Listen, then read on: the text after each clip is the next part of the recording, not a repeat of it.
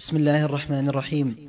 المحاضرة الثالثة عشرة وهي لمعالي الشيخ عبد المحسن بن حمد العباد مدير الجامعة الإسلامية سابقا والتي ألقيت يوم الخميس العشرين من محرم وكانت بعنوان منهج الإمام محمد بن عبد الوهاب في التأليف.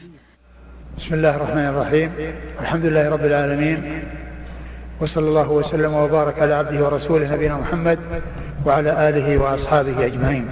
أما بعد فإني في البداية أشكر المسؤولين عن وقف السلام الخيري هذا الاهتمام والعناية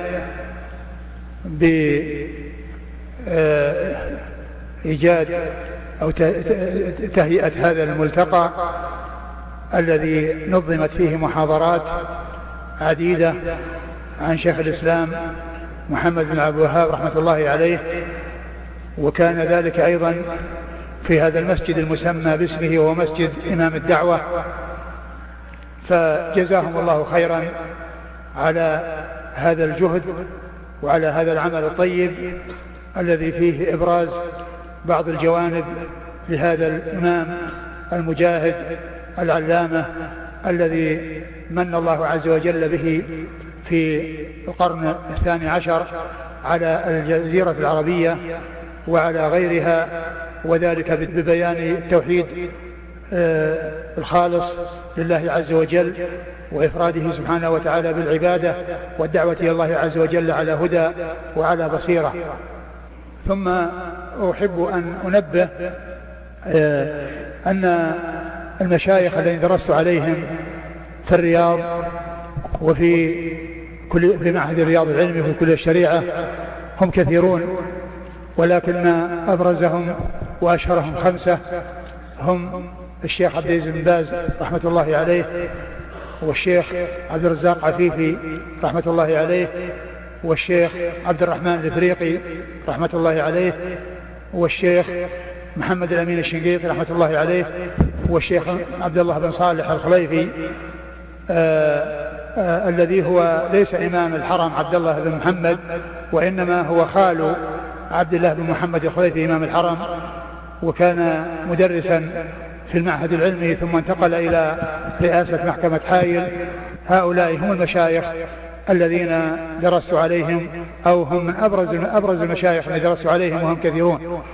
وأما سماحة الشيخ محمد إبراهيم رحمة الله عليه فلم أدرس عليه ولم أحضر عليه آه، آه، آه، قارئا لكتاب كما حصل من تلاميذه وإنما كنت أحضر أحيانا دروسه مستمعا وليس معي كتاب ولكن الذين درست عليهم كثيرون ومنهم هؤلاء الخمسة الذين أشرت إليهم.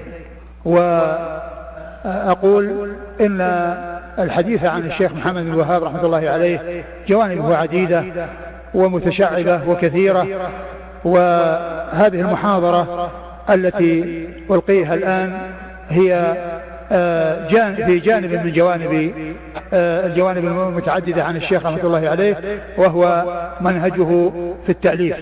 منهج شيخ الإسلام محمد بن الوهاب رحمة الله عليه في التأليف تأليف الكتب. وقبل أن أبدأ بما يتعلق بهذا الموضوع الذي هو التعليف أحب أن أشير إلى آه، أمور يسيرة أو لمحات يسيرة عن الشيخ رحمة الله عليه ودعوته. فأقول أولا إن الشيخ محمد بن عبد الوهاب رحمة الله, رحمة الله عليه هو محمد ابن عبد الوهاب ابن سليمان بن عبد ابن علي التميمي. ينتهي نسبه إلى قبيلة بني تميم وهي من القبائل العدنانية. وهذه القبيلة قد جاء عن الرسول الكريم صلى الله عليه وسلم آه، ما يدل على بقائها واستمرارها وعلى أنها تبقى إلى زمن الدجال وأنهم يكونون أشد الناس على الدجال. فقد جاء عن رسول الله صلى الله عليه وسلم كما ثبت في صحيح البخاري أن أن بني تميم هم أشد الناس على الدجال. وهذا يدل على بقاء هذه القبيلة وأنها ستستمر ولا تنقرض بل ستكون باقية ولا, ولا تنتهي ولا تنقرض قبل أن يأتي زمن الدجال. فتكون موجودة في ذلك الزمان ويكون منها آه، قوم هم أشد الناس على الدجال. وكما أن آه، هذه القبيلة آه، أشد الناس على الدجال الأكبر الأعظم الذي يأتي في آخر الزمان فإن الشيخ محمد بن الوهاب رحمة الله عليه وأبنائه وأحفاده وتلاميذه وتلاميذهم هم من أشد الناس على الدجالين الذين يخرجون على الناس في أزمان مختلفة ويأتون بالأمور المنكرة والأمور المبتدعة فإنهم من أشد الناس عليهم. آه، هذه هذه النقطة الأولى. النقطة الثانية شيخ الإسلام محمد عبد الوهاب رحمة الله عليه هو مجدد للدين في القرن الثاني عشر وما بعده فهو من المجددين الذين آه، وفقهم الله عز وجل للقيام بنصرة الدين وإظهاره والشيخ رحمة الله عليه كان من المجددين وهو متبع لما كان عليه سلف هذه الأمة. دعوته مبنية على الكتاب والسنة وما كان عليه سلف أمة. وهو نعمة أنعم الله بها على هذه على هذه الجزيرة حيث طهرها الله عز وجل بما حصل على يديه من بيان الحق وإظهاره حتى سلمت من من البدع والمحدثات التي لا تزال كثير من البلاد الإسلامية مفتونة بها ولا سيما ما يتعلق في فتن القبور والأضرحة والتعويل على أصحابها وسؤالهم المدد وسؤالهم قضاء الحاجات وكشف الكربات فإن هذه البلاد كانت قبل زمن الشيخ مثل هذه البلاد إلا أن الله تعالى من عليها بهذا الإمام وسلمها من البلاء الذي هو واقعة فيه بما بما قام به من الدعوة إلى الله عز وجل والدعاء إلى الخير فجزاه الله أحسن الجزاء وأثابه أتم مثوبة. ثم إن دعوة الشيخ محمد بن عبد الوهاب رحمة الله عليه مبنية على الكتاب والسنة وما كان عليه سلف هذه الأمة فلم يأتي بشيء جديد وإنما هو مظهر للحق ومبين له وناشر له ولم يأتي بشيء جديد حتى ينتسب إليه. فيقال الوهابية مثلا لأن بعض الفرق التي تنتمي إلى إلى أشخاص وإلى رجال إنما انتسبت إليهم لأنهم أتوا بشيء جديد يعني بأمور محدثة ابتدعوها فأضيفت إليهم كما يقال الجهمية وكما يقال الزيدية وكما يقال غيرهم من الضلال التي تنتسب إلى التي تنتسب إلى أشخاص. وإلى وإلى رجال لأنهم أتوا بشيء جديد وسلكوا مسلكا جديدا لم يكن عليه رسول الله صلى الله عليه وسلم وأصحابه وإنما أحدث فيما بعد. والشيخ محمد بن عبد الوهاب رحمة الله عليه إنما أظهر الحق ونشره ولم يأتي بشيء جديد بل هو متبع وليس بمبتدع. ولهذا لا يقال آه لدعوته الوهابية ولا يقال للذين وفقهم الله لسلوك هذا المسلك الوهابية وإنما يلمزهم بالوهابية بعض آه الذين لم يوفقهم الله عز وجل لمعرفة هذا الحق وسلوك هذا المسلك القويم والصراط المستقيم وهم يلمزونهم بذلك تنفيرا للناس من هذه الدعوة المباركة التي فيها الخير العظيم والنفع العميم للمسلمين. ثم أيضا من من آثار هذه الدعوة المباركة قيام قيام دولة على هذا الأساس. وأول إمام في هذه الدولة هو الإمام محمد بن مسعود رحمة الله عليه الذي نصر الشيخ وأيده وحكم الشرع. وقامت هذه الدولة على هذا الأساس على أساس الحق وعلى أساس الهدى وعلى أساس الكتاب والسنة. ولا زالت هذه الدولة مستمرة وقد مضى على زمن الشيخ ما يقرب من تمام ثلاثة قرون وهذه الدولة باقية. وهذا البقاء الذي حصل لها والاستمرار الذي حصل لها لا شك أن سببه القوي هو آه، تمسكها بالحق والهدى وتحكيمها لشرع الله. ولا شك أن بقاءها وحصول استمرارها إنما يكون بالمحافظة على هذا الحق وعلى هذا الهدى فهذا هو السبب الأقوى في بقائها واستمرارها. نسأل الله عز وجل أن يثبتها على هذا الحق وأن, وأن يوفق وأن يوفق المسؤولين فيها إلى آه، كل خير وأن يحفظ الجميع من كل شر. ثم أيضا من الأمور التي أنبه عليها هو هو أن أن بعض الحاقدين على هذه الدعوة المباركة بعض الحاقدين عليها يحمل بعض الأحاديث التي وردت في الفتن والزلازل التي تكون في آخر الزمان والتي التي تكون في في, في أزمنة مختلفة. وتضاف إلى نجد ويقول المقصود بها اليمامة التي منها الشيخ محمد بن عبد الوهاب رحمة الله عليه. وهؤلاء قالوا ذلك للحقد وللمخالفة والمعارضة لهذه الدعوة المباركة. وإلا فإن أهل العلم قد بينوا أن هذه الأحاديث إنما تعني العراق وقد ذكر الشيخ محمد ناصر الدين الألباني رحمه الله في كتابيه تخريج فضائل الشام ودمشق للربعي وكذلك في السلسلة الصحيحة ذكر تخريج حديث عبد الله بن عمر الذي آه، جاء في هذا الموضوع وذكر طرقه المختلفة وذكر أن كثيرا من طرقه فيها التنصيص على العراق وأن بعض العراق قال بدل وفي نجدنا قال وفي عراقنا. فالرسول صلى الله عليه وسلم قال هناك الزلازل والمحن ومنها يخرج قرن الشيطان. وهذا هو الذي ذكره العلماء قديما وحديثا ومنهم الخطابي آه الذي كان في القرن الرابع والخامس وكذلك أيضا الحافظ بن حجر العسقلاني وكذلك أيضا الشيخ الألباني رحمه الله. وقد قال بعد أن ذكر الأحاديث الحديث وطرقه قال وإنما أفضت في تخريج هذا الحديث وبيان طرقه وأن كثيرا منها يدل على أن المراد بنجد.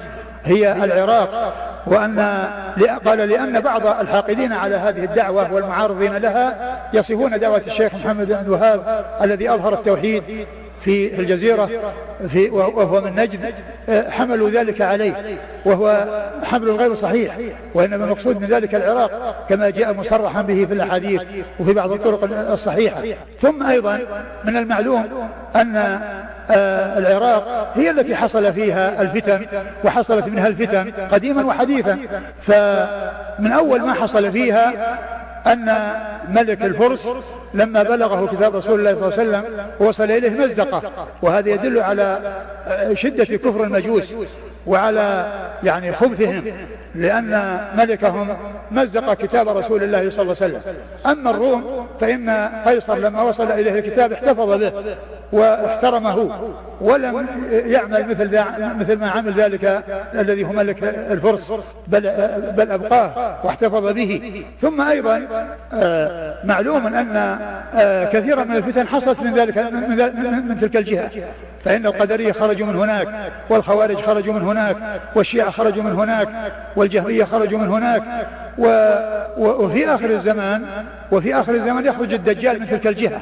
كما أخبر رسول الله صلى الله عليه وسلم في الحديث الذي في صحيح مسلم يخرج من خلة بين الشام والعراق وأيضا في صحيح مسلم أنه يتبعه سبعون ألفا من يهود أصبهان عليهم عليهم الطيالسة.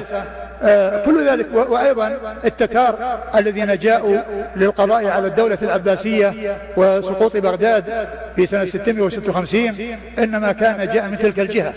فتلك الشرور وتلك الأمور العظيمة إنما جاءت من تلك الجهة وهو المطابق لما قاله الرسول الكريم صلى الله عليه وسلم.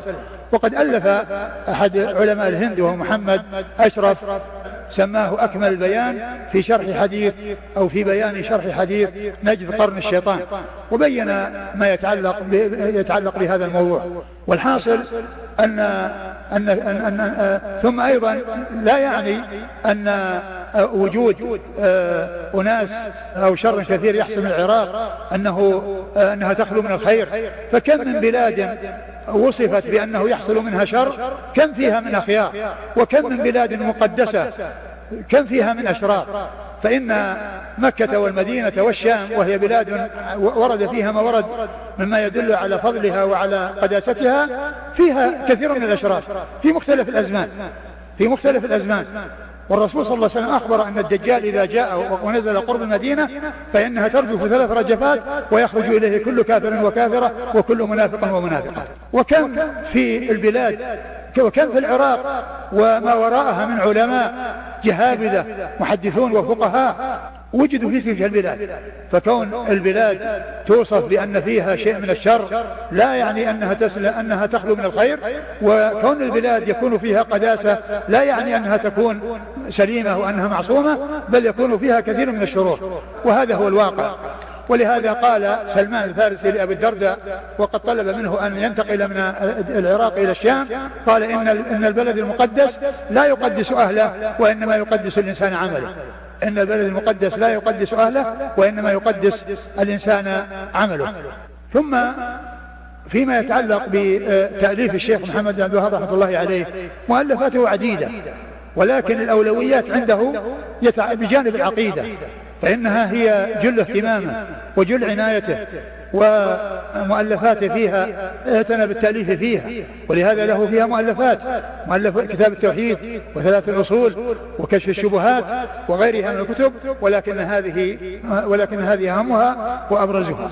وكتاب التوحيد كتاب عظيم هو أجل كتبه في العقيدة وأهمها وأنفسها وهو, وهو, وهو مشابه على على على على طريقة البخاري رحمه الله في كتابه الجامع الصحيح وفي وبالأخص كتاب التوحيد الذي هو آخر كتاب الجامع الصحيح.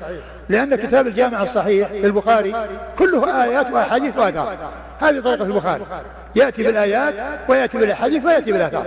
هذه طريقة الإمام البخاري. والإمام محمد بن عبد الوهاب رحمة الله عليه في هذا الكتاب جرى على هذه الطريقة. عنده آيات وأحاديث وآثار. يأتي بالآيات ثم بالأحاديث ثم بالآثار. فهو على نهجه وعلى طريقته. كل ما عنده قال الله قال رسوله. صلى الله عليه وسلم قال سلف هذه الأمة.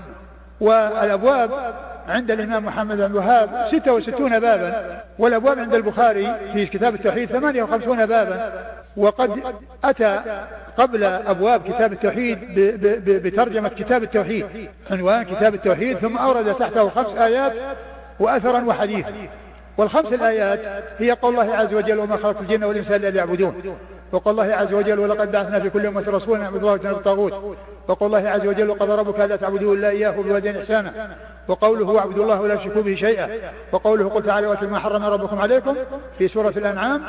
أورد هذه هذه المواضع الخمسة وعقبها بأثر ابن مسعود فيما يتعلق بآيات بآية الأنعام آيات سورة الأنعام ثم أتى بحديث معاذ بن جبل الذي فيه بيان حق الله على العباد وحق العباد على الله. والإمام البخاري رحمه الله لما صدر كتابه صدره بباب الدعوة باب دعوة النبي صلى الله عليه وسلم أمته إلى أن يوحدوا الله. وأورد فيه حديث معاذ بن جبل في بيان حق الله على العباد وحق العباد وحق العباد على الله. و وعلى هذا فكتاب الشيخ محمد بن عبد الوهاب رحمه الله سار فيه على طريقة الإمام البخاري. سار فيه على طريقة الإمام البخاري على فيه آيات وأحاديث وآثار عن سلف هذه الأمة من الصحابة والتابعين ومن بعدهم. ثم إن طريقته رحمه الله أنه يبدأ بالآيات في كل باب ثم بالأحاديث ثم بالآثار. وإذا كان الأثر يتعلق بآية أو بحديث فإنه يذكر ذلك الأثر بعد الآية أو الحديث التي له تعلق بها. ثم إنه في آخر كل باب يعقد مسائل مستنبطة من الآيات والأحاديث والآثار. وكل ما في كتاب التوحيد هو ليس له إنما هو آيات وحديث وآثار إلا المسائل التي يذكرها في, كل في آخر كل باب. ولهذا كان كانت دعوة الشيخ رحمة الله عليه ليست مبنية على على غير الكتاب والسنة وإنما كانت مبنية على كتاب الله وسنة رسوله صلى الله عليه وسلم. ويقول قال الله قال رسوله قال الصحابة قال فلان قال فلان. هذه هذا هو منهجه وهذه طريقته. وهذه المسائل التي يذكرها في آخر كل باب تدل على دقة فهم الشيخ وقوة استنباطه. وفيها شحذ لهمم الطلاب أنهم إذا قرأوا الباب يأتون إلى هذه المسائل ثم يرجعون ويبحثون عن أماكن أماكن استخراجها. من أين استخرجت هذه المسائل؟ ففيها شحذ للهمم ففيها شحذ للأذهان ومعرفة كيف تستنبط. وكيف وما هي الموضع الذي استنبط منه الشيخ رحمه الله فإن هذا فيه فائدة عظيمة وفائدة كبيرة. وهذا هو الذي للشيخ محمد من الكلام في كتاب التوحيد. والباقي آيات وأحاديث وآثار. ولهذا فإن كل دعوة تنبني على كتاب الله وسنة رسوله صلى الله عليه وسلم وكلام السلف هي التي يكون لها القبول. ويكون فيها النفع. أما الدعوات التي تبنى على كلام الناس وعلى الإنشاء على تشقيق الكلام وعلى التنطع فيه على غير كتاب وسنة فإنه لا لا يحصل من ورائه فائدة بل قد يحصل من ورائها مضرة. ولكن إذا كان الكلام مستند على كتاب الله وسنة رسوله صلى الله عليه وسلم فإن في ذلك الفائدة وفي ذلك المنفعة وفي ذلك المنفعة العظيمة. ثم إن ثم إن الشيخ رحمه الله في كتابه آه، التوحيد أتى بتقرير التوحيد وبما يضاد أصل التوحيد وهو الشرك وبما ينافي كمال التوحيد الذي هو البدع والشرك الأصغر. ومما جاء في أبواب كتاب التوحيد مما يتعلق بتقرير التوحيد باب فضل التوحيد وما يكفر من الذنوب.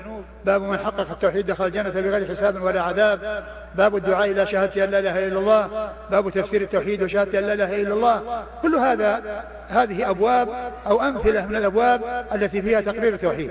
وأما الأبواب التي فيها بيان ما يضاد أصل التوحيد وهو الشرك باب باب من الشرك أن يستعيذ بغير الله أو يدعو غيره.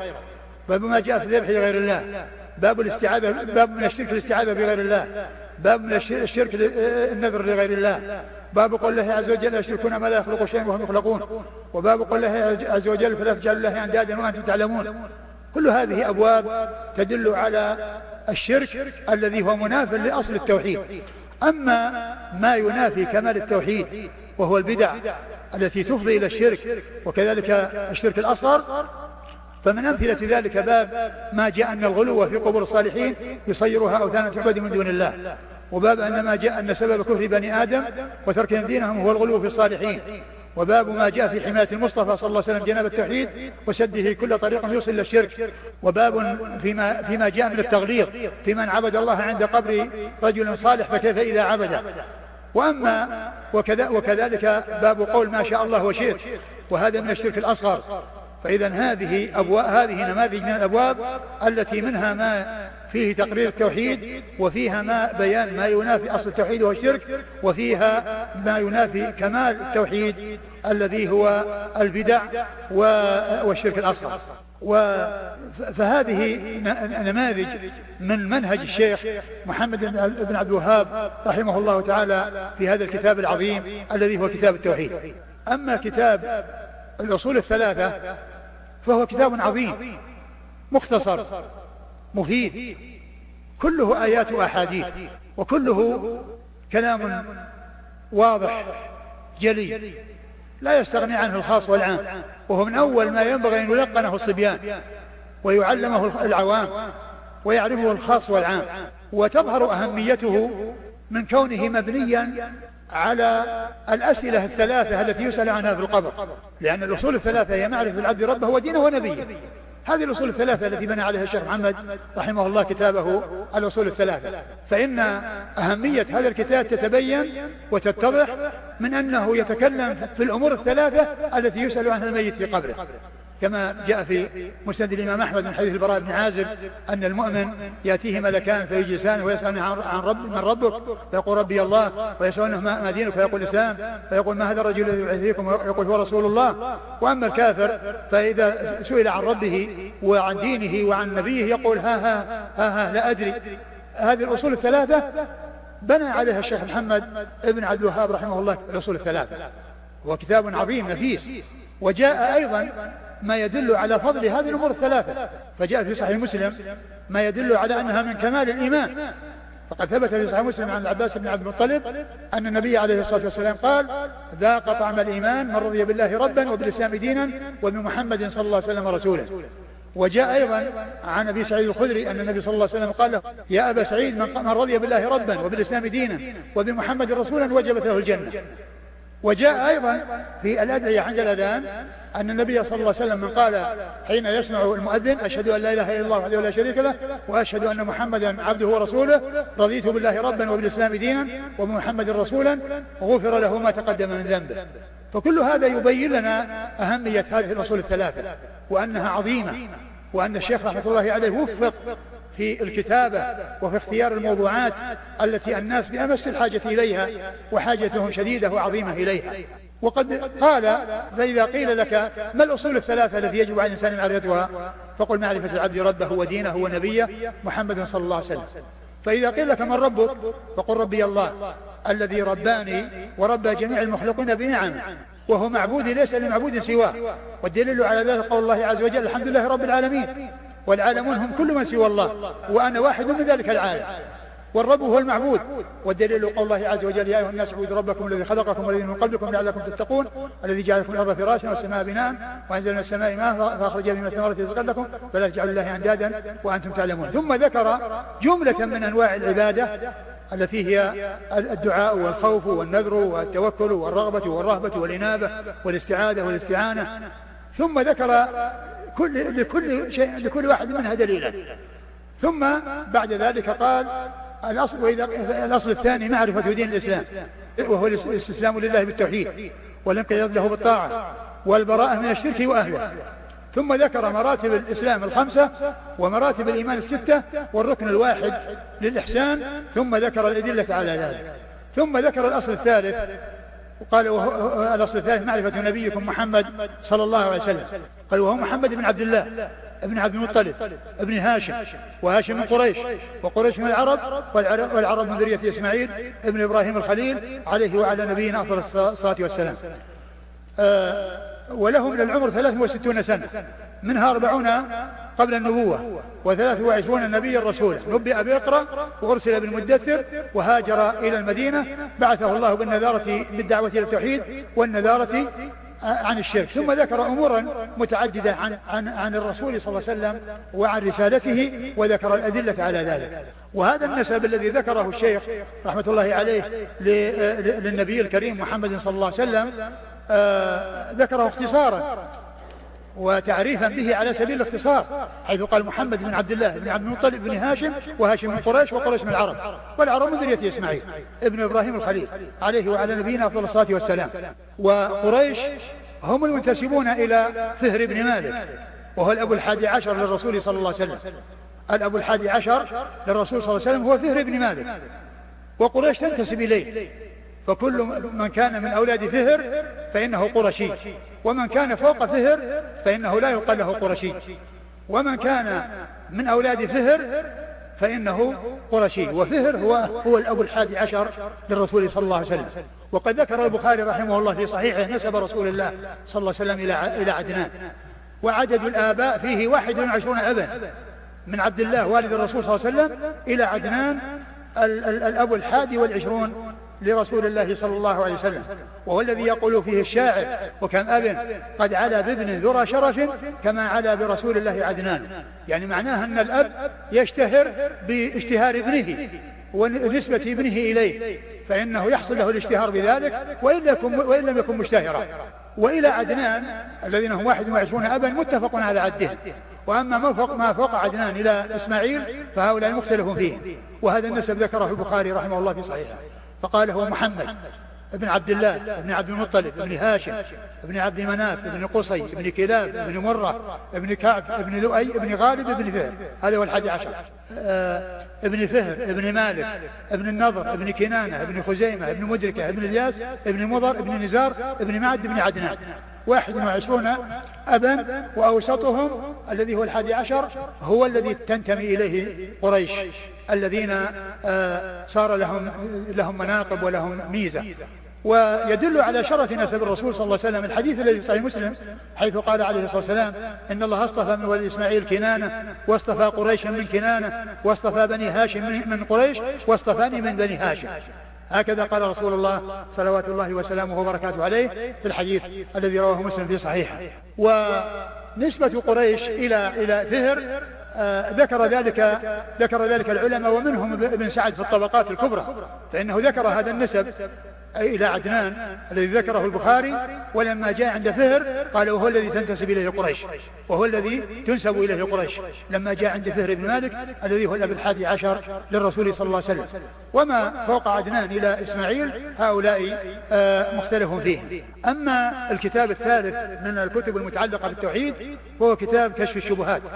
وهذا الكتاب متمم للكتب السابقة للشيخ الذي هي كتاب التوحيد والأصول الثلاثة وغيرها لأنه يبين الشبه التي أوردت أوردت على التوحيد والتي يأتي بها المبتدعة فجمعها وفندها وبين ردها وأنها لا ترد على ما دل عليه كتاب الله وسنة رسوله صلى الله عليه وسلم من الحق والهدى لا ترد عليه. وكشفها وبينها في هذا الكتاب. وهو كتاب عظيم متمم لتلك الكتب لأن تلك فيها تأسيس وفيها بيان لطريق الحق والهدى وأما هذا فهو بيان للشبه التي أوردت على الحق والهدى وبيان كشفها وتزييفها وبيان بطلانها وأنها يعني لا يلتفت إليها ولا تؤثر ولا يؤثر إرادها إرادها على الحق والهدى الذي هو ما قرره في كتاب التوحيد وفي الأصول الثلاثة وغيرها. أما آه، ما يتعلق بتفسير كلام الله عز وجل فإنه ليس له كتاب كامل في التفسير وإنما له تفسير آه، في مواضع لسور مختلفة منها ما فسر فيه السورة كاملة مثل سورة الفاتحة وسورة الجن وسورة الفلق وسورة الناس ومنها ما فسر فيه آيات آه، كثيرة مثل سورة يوسف ومنها ما كان التفسير فيه قليلا آيات قليلة مثل سورة يونس فإن فيها آية واحدة ومثل سورة آه، المؤمنون فيها ثلاث آيات. آه، وطريقة رحمه الله في التفسير آه، هي طريقة الاستنباط والفهم. وقد قال عليه الصلاة والسلام من يريد الله به خيرا يفقهه في الدين. يعني بعض بعض المفسرين يعنون ببيان الكلمات وتصريف الكلمات وما إلى ذلك وأما هو يعنى بالمعاني والفقه والاستنباط. ولهذا أكثر ما سلكه في التفسير أنه عندما يأتي بالآية أو الآيات يقول فيها مسائل. ثم يعدد الأولى الثانية الثالثة الرابعة.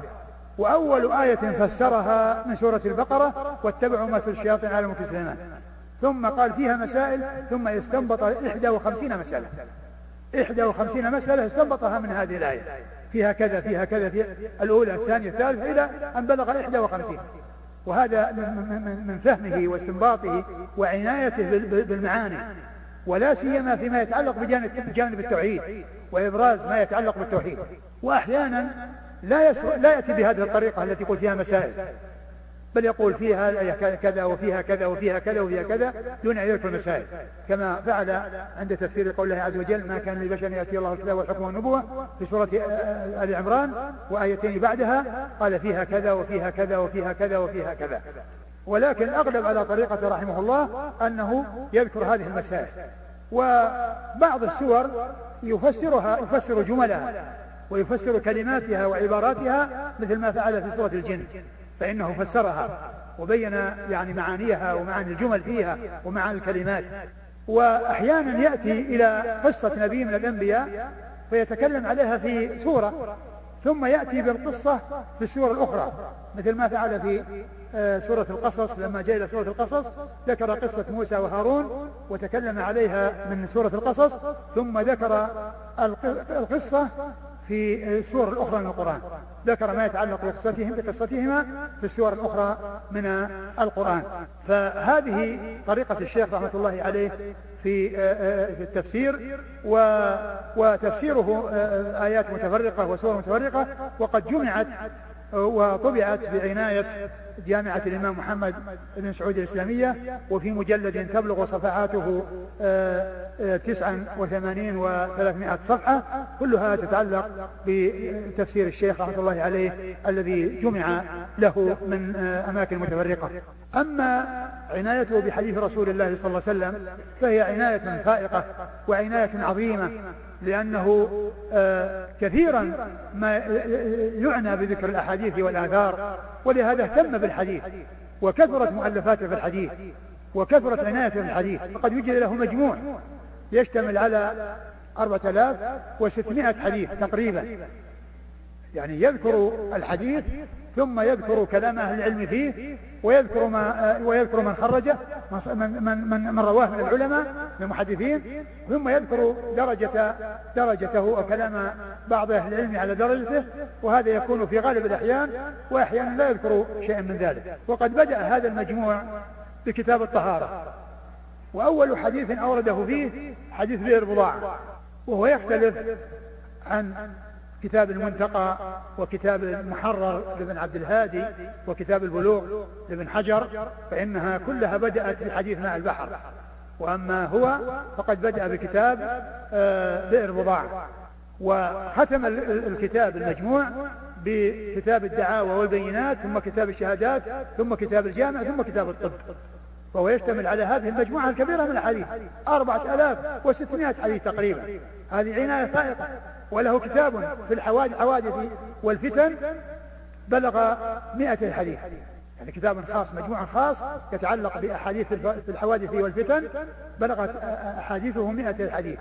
وله كتاب فضل الإسلام اشتمل على إثني عشر بابا وثمانية وأربعين حديثا وأثرا. وفيه آيات. وهذه طريقة الشيخ آيات وأحاديث وآثار.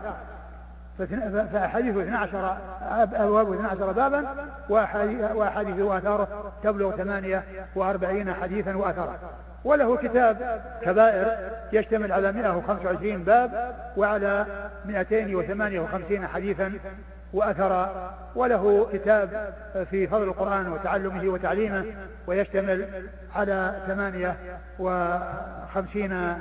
58 حديثا وفي له كتاب الكبائر يشتمل على آه، كتاب الكبائر قلت يشتمل على 125 بابا وعلى 258 آه، حديثا وأثرا. فهذا كله يدلنا على عناية الشيخ بالحديث واهتمامه به ولهذا بارك الله تعالى في دعوته لأنها مبنية على الكتاب والسنة ما بنيت على كلام الناس وعلى أحاديث الناس وعلى ما قاله الناس وإنما مبنية على ما قال الله قال رسوله قال الصحابة. كما قال ابن القيم رحمة الله عليه العلم قال الله قال رسوله قال الصحابة أولي العرفان.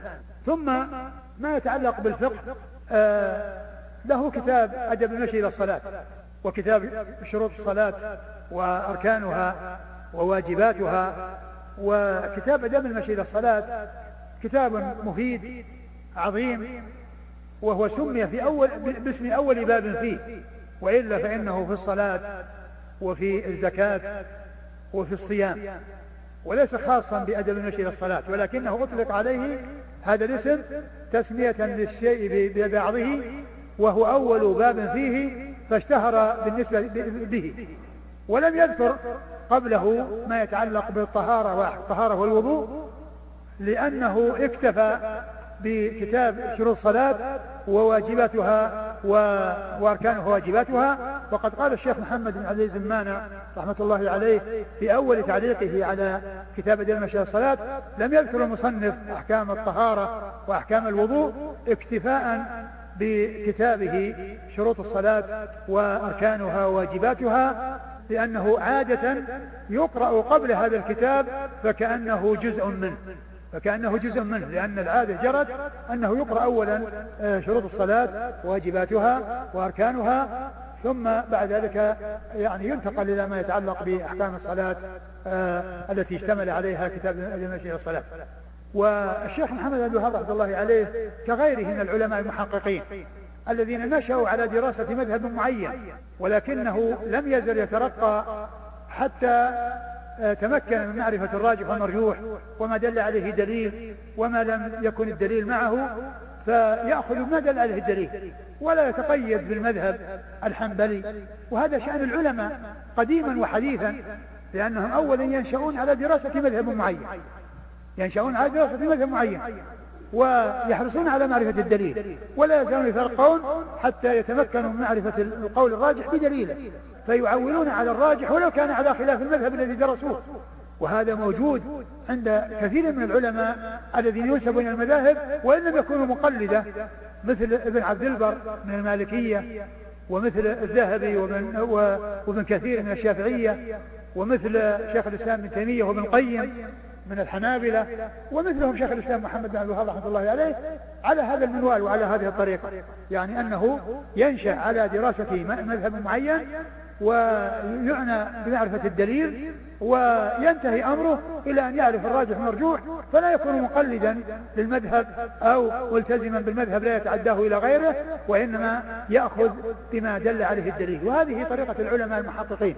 ولهذا يقول ابن القيم رحمه الله في كتاب الروح أن من آه، رجع إلى كلام العلماء وأخذ أقوالهم ووزنها بما, بما جاء في كتاب الله وسنة رسول الله صلى الله عليه وسلم وأخذ منها ما يوافق الدليل هذا لم هذا لم لم يهضم جانبهم ولم يهدر أقوالهم وإنما هذه الطريقة المثلى في توقيرهم وتعظيمهم والاستفادة من علمهم من غير أن يكون مقلدا لهم لأن الأخذ بما دل عليه الدليل أخذ بالوصايا التي أوصوا بها لأنهم أوصوا بأنه إذا وجد لهم قول.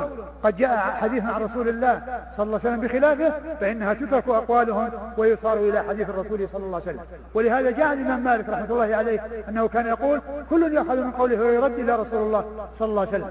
والشافعي رحمه الله يقول إذا صح الحديث هو مذهبي ولهذا يقول بعض العلماء الذين من بعده وهم قد درسوا مذهبه ولكنهم لا لا يتقيدون بالمذهب وقد صح الحديث فهو مذهب الشافعي. وقد صح الحديث وهو مذهب الشافعي أي مذهبه حكما لأنه علق القول به على صحته وقال إذا صح الحديث فهو مذهب. ثم قال إن هذه الطريقة التي فيها توقير العلماء والرجوع إليهم والاستضاءة بنور علمهم والاستعانة بهم في الوصول إلى الحق لكن إذا وصل إلى الحق استغنى به عن غيره فلا يحتاج إلى قول غيره. ثم ضرب لذلك مثلا قال مثل النجم الذي يهتدي به المسافر في البر والبحر إلى جهة القبلة. يهتدي, يهتدي بالنجم إلى جهة القبلة. قال فإذا وصل الإنسان إلى القبلة وصار تحتها لم يكن بحاجة إلى النجم لأن القبلة أمام فكذلك الإنسان الذي يستعين بكلام العلماء للوصول إلى الحق فإذا وصل إلى الحق فإنه يأخذ به ولا ولا يتجاوز إلى غيره.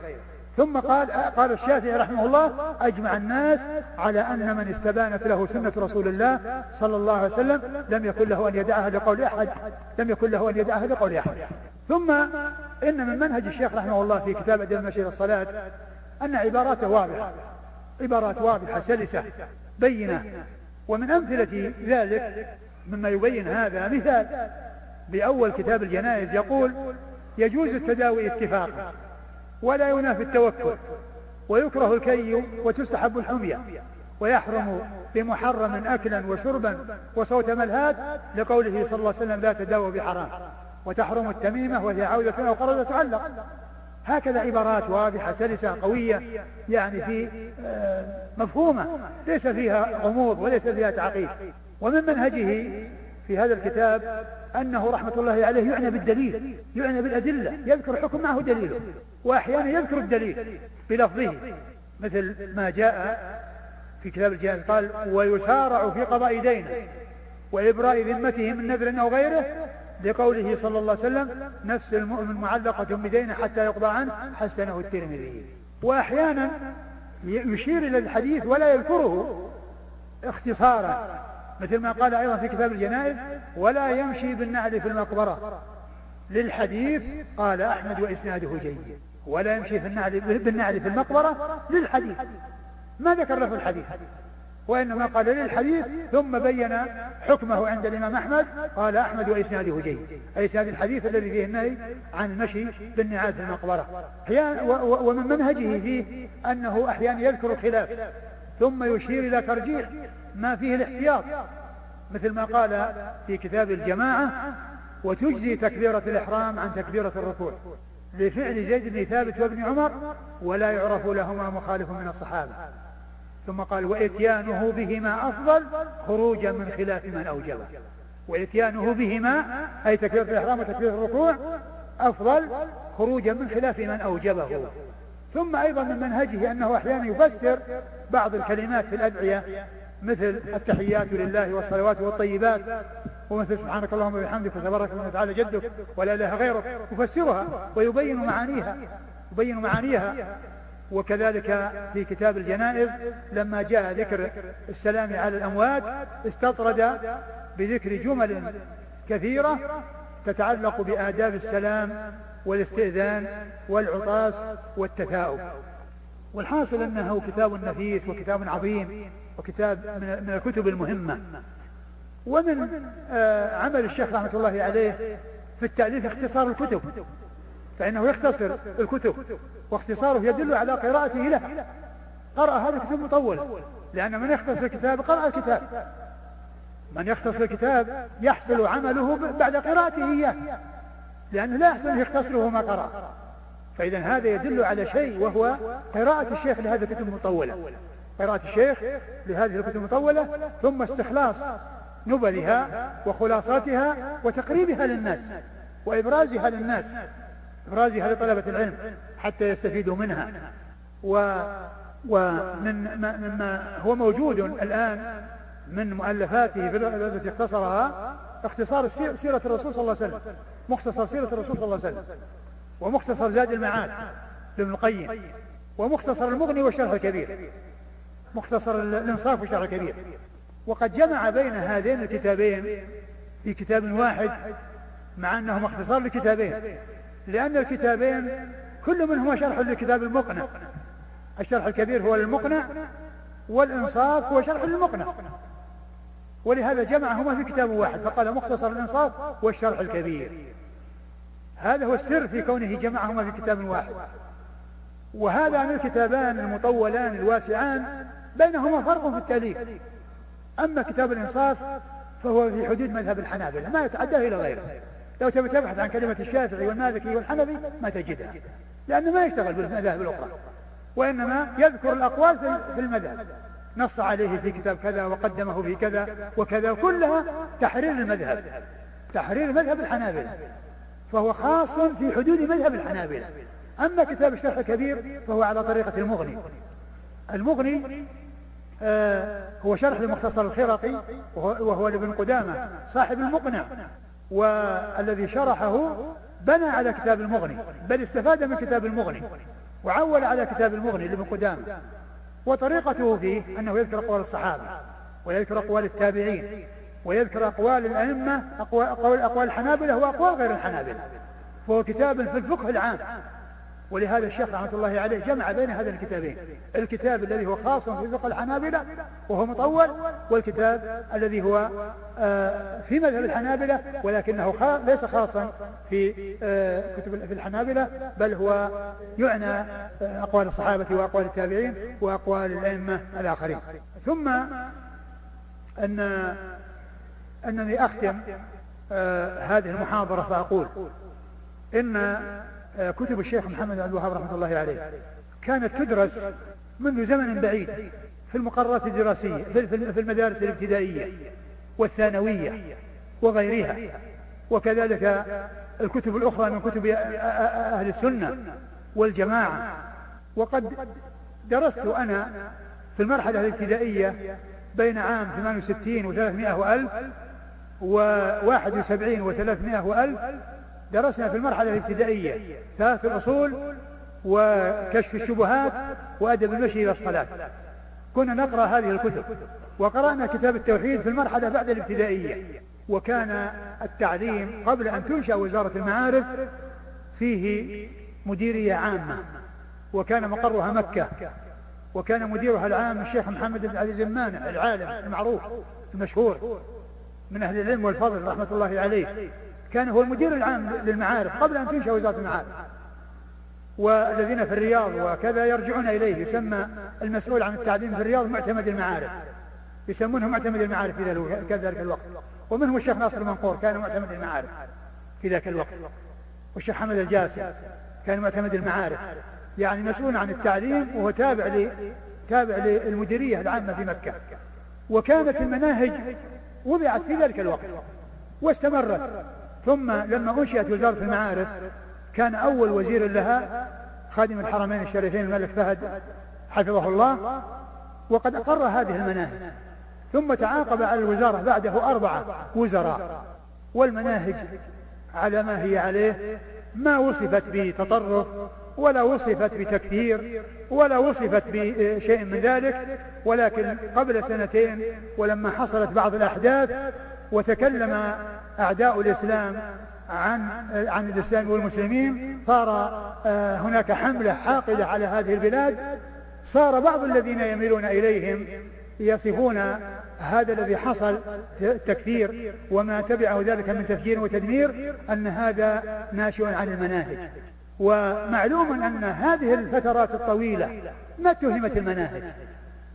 وكثير من الأمراء والعلماء والوزراء وغيرهم درسوا هذه المناهج وتخرجوا منها وما حصل لهم إلا الخير. ولكن هذا كله من الإرجاف وكل هذا من الكيد ومن السعي إلى تحقيق مكر أعداء الإسلام والمسلمين باتهام المناهج التي فيها خير وفيها بركة. يريدون أن يتنازل أن يتلازم الناس عن هذا الحق وهذا الهدى وأن يخلوا مناهجهم من الأصل الأصيل الذي لا بد منه. والحقيقة أن المناهج التعليمية بريئة من المتهم وأن متهمها هو المتهم. وأن متهمها هو المتهم. ولا شك أن تنازل الناس عن هذه عن أصولهم تحقيقا لرغبة الأعداء لا إنما هو يسخط الله ولا يرضي الأعداء. لأن الله تعالى يقول ولن ترضى عنك اليهود ولا النصارى حتى تتبع ملتهم قل إن هدى الله هو الهدى ولئن تبت أهواء بدل الذي جاءك من الحق ما لك من الله من ولي ولا نصير. ويقول الرسول صلى الله عليه وسلم من التمس رضا الناس بسخط الله سخط الله عليه وأسخط عليه الناس. ومن التمس رضا الله بسخط الناس رضي الله عليه وأرضى عنه الناس. فكون أعداء الإسلام يكيدون للمسلمين ويأتي من ينتسب للإسلام ويأتي بعض المسلمين ويصفون يعني هذا هذه المناهج بهذه الأوصاف لا شك أن هذا من السعي لحرمان هذه البلاد مما هي عليه من الحق والهدى ومن الخير الذي ميزها الله عز وجل به وتميزت به على كثير من البلاد. هذا وأسأل الله عز وجل أن يوفقنا جميعا لما يرضيه وأن يجعلنا ممن يستمع القول فيتبع أحسنه وأن يجزي شيخ الإسلام محمد بن الوهاب رحمة الله عليه على ما قام به من الدعوة إلى الله عز وجل والنصرة لدين الله سبحانه وتعالى خير الجزاء وأن يثيبه أتم المثوبة وأعود أيضا فأكرر شكري للمسؤولين عن وقت السلام الخيري. على ما قاموا به من هذا الجهد الطيب فيه خير, فيه خير وبركة من العناية بإبراز دعوة الشيخ وإيجاد تلك المحاضرات واللقاءات آه، التي تبرزها. وأسأل الله عز وجل أن يوفق الجميع لما يرضيه. وصلى الله وسلم وبارك على عبده ورسوله نبينا محمد وعلى آله وأصحابه أجمعين. جزاك الله خيرا. وأجزل لكم المثوبة ونفع بعلمكم الإسلام والمسلمين. ونستأذنكم في طرح بعض الأسئلة. نعم. أحسن الله إليكم. يقول السائل نأمل منكم ترتيب كتب الشيخ في التوحيد والفقه بحسب الترقي في طلب العلم وجزاكم الله خيرا. أنا ذكرت في المحاضرة أن كتب الشيخ في العقيدة أهمها كتاب التوحيد وهو أعظمها وأوسعها وأكثرها فوائد ودونه آه، يعني كتاب ثلاث الأصول الذي هو لا يستغني عنه العوام والخواص وأما كتاب كشف الشبهات فكما هو معلوم يعني هو يعني آه، يأتي آه، كدفع ورد للشبهة التي تثار حول دعوة الشيخ. فهذه الكتب التي أهم كتب الشيخ رحمة الله عليه فيما يتعلق بالعقيدة. وأما فيما يتعلق بالفقه فقد ذكرت يعني أبرزها وهو كتاب أدب النشير الصلاة وقبله كتاب نشر الصلاة وأركانها وواجباتها الذي هو يتعلق ببيان الوضوء وبيان أحكام الطهارة وما يتعلق بذلك وهو قبل كتاب النشير الصلاة الذي هو يشمل الصلاة ويشمل الزكاة ويشمل الحج. أحسن الله إليكم. يقول هناك طائفتان متقابلتان في فقه الشيخ. فمنهم من يلمزه بأنه حنبلي ومنهم من يقول إنه ادعى الاجتهاد المطلق وأسس مذهبا خامسا فما رأيكم في ذلك؟ أنا ذكرت أن الشيخ محمد بن رحمه الله ما أتى بشيء جديد وإنما أتى باتباع الكتاب والسنة في الأصول والفروع. في الأصول والفروع فهو في الأصول على طريقة أهل السنة والجماعة يتبع ما كان عليه سلف هذه الأمة في العقيدة. وفي الفروع يعول على ما أوصى به الأئمة الأربعة الذين هم أبو حنيفة ومالك والشافعي وأحمد الذين كل واحد منهم أوصى بأن يعول على الدليل ويترك ما قاله. ومعلوم أن الشيخ محمد ما أتى بمذهب خامس بل هو على طريقة العلماء المحققين مثل ابن, ابن, ابن عبد البر ومثل الذهبي ابن كثير ومثل ابن تيمية ومثل ابن القيم. وهكذا. هذه طريقة هؤلاء ينشأون على مذهب ولكنهم ينتهون إلى أن يعرفوا الراجح من المرجوح ولا شك أنه رحمة الله عليه هو من هؤلاء العلماء. أما الذين يقولون إنه آه، دعا إلى الاجتهاد فهو رحمة الله عليه متواضع وهو يعني يتكلم عن علم ويتكلم عن دليل ولا يتقيد بمذهب معين. والواجب هو في الأئمة آه، الاعتدال والتوسط لا إفراط ولا تفريط. فلا يجفو أحد في الأئمة ولا يغلو أحد في الأئمة. فلا يجفو بحيث يقول يعني ما نحتاج إلى كتب العلماء. ولا يغلو بحيث يقول العالم هذا قوله هو الحق وهو الذي ينبغي أن يتبع وغيره آه، دونه. هذا إفراط وتفريط وغلو وجفاء والحق وسط بين الإفراط والتفريط كما قال أبو سليمان الخطابي ولا تغلو في شيء من الأمر واقتصد. كلا طرفي قصد الأمور ذميم فالشيخ رحمة الله عليه من العلماء الذين نشأوا على مذهب الحنابلة ولكنه بعد ذلك كغيره من العلماء في مختلف المذاهب الذين آه، وقفوا على معرفة الأقوال ومعرفة الأدلة ومعرفة الراجح من المرجوح فصاروا يعولون يعولون على ما يدل عليه الدليل أخذا بما جاء عن الأئمة من الوصايا. وأيضا الشافعي رحمه الله قال قد أجمع الناس على أن من استبانت له سنة رسول الله صلى الله عليه وسلم لم يكن له أن يدعها لقول أحد. أحسن الله إليكم. يقول تعد مؤلفات الشيخ أنموذجا من نماذج كتب أهل السنة والجماعة لما تتميز به من العبارة الشرعية وحسن الاستنباط وقد أفضتم في هذا حفظ في هذا حفظكم الله. ونأمل منكم الحديث عن معالجتها للواقع لأن بعض الناس يقول إنها بعيدة عن الواقع وليست كالحركات والجماعات التي ولجت في الواقع السياسي والاقتصادي فحسب دون العناية بالتوحيد والأحكام وإنما غايتها السلوك والأخلاق. وأثابكم الله. الواقع الآن في كثير من البلاد التي وجدت فيها الحركات هو نفس الواقع اللي كان في زمن الشيخ. كانت هذه البلاد يعني فيها قبور وفيها أضرحة يستغاث بأصحاب القبور ويذبح لهم. والشيخ رحمه الله عالج هذا على على طريق على على طريقة الحق والهدى وعلى طريقة الرسل الذين دعوا الناس إلى إخلاص العبادة لله عز وجل. كما قال الله عز وجل ولقد بعثنا في كل أمة رسولا أن يعبدوا الله ويجتنبوا الطاغوت وقال وما أرسلنا من قبلك من رسول إلا نوحي إليه أنه لا إله إلا أنا فاعبدوه فالشيخ رحمه الله اشتغل بتصحيح الواقع المؤلم المنحرف عن الجادة في زمانه.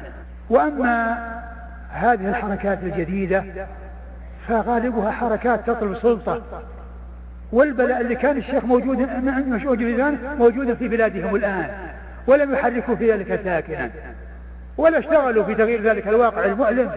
الشيخ رحمه الله الآن مضى على دعوة ثلاثة قرون تقريبا وقد سلم الله هذه البلاد من هذه المظاهر. مظاهر الشرك والوثنية. كون الناس يعتنون بالقبور ويطوفون بها وينظرون مثل ما يوجد في كثير من البلاد الآن الموجودة في هذا الزمان. كانت بلاد نجد مثل تلك البلاد. فدعوته قامت على التوحيد وعلى الحق والهدى ولهذا كتب الله لها البقاء. مضى عليها ثلاث قرون وهي باقية. أما هذه الدعوات الجديدة التي اشتغلت سعي الحديث وراء أن يحصلوا سلطة ويحصلوا ملك ويحصلوا ولاية مضى عليها مدة طويلة وهم ما فرحوا بما كانوا يخططون له وفيهم من مات لم يفرح بالشيء الذي كان اشتغل به. في الحقيقة أن الشيخ دعوته كانت مبنية على الواقع الذي يجب أن يغير وقد غيره رحمة الله عليه وأثاره موجودة إلى الآن. وأما الواقع الذي كان موجودا في زمن الشيخ يعني من وجود تلك المظاهر في تلك البلاد لا تزال باقية. وتلك الدعوات ما تشتغل بهذه بالسعي في تغييرها بل تاركون لها مهملون لها وإنما يسعون وراء السياسة وراء الملك وراء السلطة ولهذا ما فرحوا بها حتى الآن. وأما هذه الدعوة والله تعالى مكن لها في الأرض ومكن لمن قام بها والله, والله تعالى يقول فأما الزبد فيذهب جفاء وأما ما ينفع الناس فيمكث الأرض. ويقول الذين يمكنهم بها قاموا الصلاة وآتوا الزكاة وأمروا بالمعروف ونهوا عن المنكر ولله عاقبة الأمور. بارك الله فيكم. يقول هل يشترط إقامة الحجة على من وقع في البدعة للحكم بأنه مبتدع؟ وهل يصح القول بأن المبتدع إذا أقيمت عليه الحجة وأصر فإنه يكفر؟ وما ضابط إقامة الحجة وفهمها؟ أولا البدع لا يكفر بها. لا يحكم على المبتدع بالكفر ولو أصر على البدعة لأن البدع شيء والكفر شيء آخر. البدع وسيلة إلى الشرك. ووسائل تفضي إلى الشرك. والبدع وسيلة إليه. والنهي عنها سد للذريعة التي توصل إلى الشرك. وهي, وهي البدع التي تؤدي إلى الشرك. فالحجة نعم. يعني الحجة إذا قامت الحجة على الإنسان يعني آآ آه، آآ آه، لا يعذر. وأما قبل أن تقوم الحجة عليه فهو معذور. ولكن إذا أقيمت عليه الحجة يعني واضح أنه بدعة وأنه أمر محرم فلا شك أن هذا العمل بدعة. لكن لا يقال أنه شرك. لأن الشرك شيء والبدعة شيء آخر. والبدع تنقسم إلى قسمين بدع مفسقة وبدع مكفرة. بدع مفسقة وبدع مكفرة. فالبدع المفسقة لا يحكم على أصحابها بالكفر لا يحكم على أصحابها بالكفر وإنما التي يحكم على أصحابها بالكفر هي البدع المكفرة. والبدع المفسقة دونها. ولكنها لا شك أن البدع أخطر من المعاصي. البدع أخطر من المعاصي. والسبب في ذلك أن العاصي أن العاصي يعرف أنه مذنب وأنه مخطئ وعنده حي حي خجل حياة. فيرجى أن يتوب. وأما المبتدع يرى أنه على حق فيبقى على بدعته ويستمر بدعته حتى يموت عليه. هذا يرجى له توبة وهذا قد يموت ولا يحصل توبة لأنه يرى أنه على حق. ولهذا جاء عن النبي صلى الله عليه وسلم وقال إن الله حجب التوبة عن كل مبتدع عن كل صاحب بدعة حتى يتوب من بدعته. لأنه يعني ما دام أنه عليها يرى أنه على حق بخلاف الذي يزني أو الذي يعني يسرق ما يقول أن هذا حق؟ هذا باطل ويعرف أنه مذنب ويرجى أن يتوب. لكن هذا شيء وهذا شيء. بارك الله فيكم. أقرأ هذا السؤال كما ورد. يقول صاحبه لقد قرأت كتابكم النافع رفقا أهل السنة بأهل السنة وما فيه من آثار سلفية ونقولات علمية ولكن العجيب أن بعض الناس لا زال يطعن في, الجماع يطعن في الجماعات الإسلامية العاملة في الدعوة إلى الله كالتبليغ والإخوان المسلمين ما نصيحتكم لهؤلاء؟ أنا أقول الحركات التي ليست على منهج السلف وعلى طريقة السلف هذه الكلام فيها في محله. لأنهم ليسوا على منهج صحيح. وكتاب رفقنا في السنة في أهل السنة لا يعني هؤلاء. يعني أناسا من أهل السنة تكلم فيهم ناس من أهل السنة. فكان ينبغي لأهل السنة ألا يتكلموا في أهل السنة. أما أن يتكلموا في أصحاب الحركات المنحرفة والذين يعني آه، أفسدوا كثيرا من شبابنا يعني في هذه البلاد تغيرت أفكارهم بسببهم فهؤلاء الكلام فيهم في محله. وأنا لا أقصد هؤلاء أنا أقصد أن بعض أهل السنة يتكلم في أهل السنة. فكان ينبغي أن تكون الجهود كلها متجهة إلى الذين هم منحرفون عن أهل السنة. أما من كان من أهل السنة فإنه إن حصل منه خطأ يسعى إلى استصلاحه وإلى تركه الخطأ ما هو يبادر إلى إلى إلى تبديعه وإلى إهداره وإلى إسقاطه؟ هذا ليس منهج صحيح. المنهج الصحيح منهج الشيخ ابن باز بن تيمية الذين كانوا على على طريقة صحيحة وعلى منهج صحيح. أما إذا حصل من إنسان خطأ ثم بعد ذلك أقيمت الدنيا عليه حذر منه وثم أو حذر ممن لا يفسقه أو من لا يودعه هذا من الخطأ البين. فأنا أقول إن أهل السنة ينبغي أن يتعاونوا فيما بينهم يعني يتولى بعضهم بعضا وإذا وجد منهم خطأ أنه يستصلح لا يبادر إلى إهداره وإلى التحذير منه لأن هذا يقلل أهل السنة وينتهي بالأمر إلى أن يتلاشى أهل السنة عند هؤلاء المجرحين لأهل السنة. أحسن الله إليكم. كل صاحب الفضيلة إنا نحبكم ونسأل الله أن يظلنا بهذه المحبة بهذه المحبة في ظل عرشه يوم لا ظل إلا ظله. وسؤاله هل لكم دورة مستقلة في العطلة الدراسية لأننا نحب الجلوس إليكم ولا يتيسر لنا ذلك إلا في مثل ذلك الوقت؟ فنرجو بيان ذلك. وهل وقتها محدود نعرفه نستطيع معرفته الآن؟ أفيدونا فإن في ذلك أعظم منة منكم على أبنائكم. زادكم الله علما وعملا وبارك في, عم في عمركم ويسر لكم الخير حيثما كنتم. أقول أولا نسأل الله عز وجل أن يجعلنا من المتحابين فيه. وأن يوفقنا جميعا لما يرضيه. وثانيا آه، فيما يتعلق بالدورة أو الدورات في مدة ثلاث سنوات يعني آه، صار لي دروس يعني في الصيف في موضوعات معينة. ففي سنة من السنوات تكلمت أو شرحت مقدمة رسالة ابن أبي زيد القيرواني. وبعد ذلك حررت هذه هذا هذا الشرح وطبع بعنوان قطف الجنداني في شرح مقدمة رسالة ابن أبي زيد القيرواني. ثم في السنة التي بعدها آه، درست أدب المشي إلى الصلاة. أدب المشي إلى الصلاة. وقد فرغ ولم يعني أتمكن حتى الآن من من من مراجعته وتحريره. وفي السنة وفي الصيف الفائت تكلمت على كتاب شرحت كتابي تطهير الاعتقاد للصنعاني وشرح الصدور في تحريم رفع القبور للشوكاني. ثم بعد ذلك حررت الكتابة فيهما وطبع يعني هذا الكتاب. فإذا هي ثلاث دورات آه، دورتان طبع الكتاب فيهما. اللي هي آه، ما يتعلق بعقيدة النبي زيد القرواني وما يتعلق بتطهير الاعتقاد وشرح الصدور. وأما الدورة التي بينهما وهي ما يتعلق بالفقه الذي هو دم الشخصيات فلم يحصل حتى الآن تحريرها وهي مفرغة عندي ولعلي إن شاء الله تمكن من تفريغ من, من, من تحريرها وكتابتها وإظهارها في كتاب. أما الصيف القادم فأنا لم أقرر فيه ولكن إن شاء الله في كل صيف سيعني يكون لنا دروس يعني في الصيف تتعلق بموضوع معين أو بالكلام على كتاب معين ولكنه حتى الآن لم يحدد وهي تحدد الموضوعات قبل الصيف وتعلن وتنشر لكن الآن ما حصل التحديد للصيف القادم. بارك الله فيكم كثير من الأسئلة. تدور حول كيفية تدرج طالب العلم في علم الحديث ما الذي يحفظ وما الذي يقرأ وكيف التدرج فيه. بارك الله فيكم.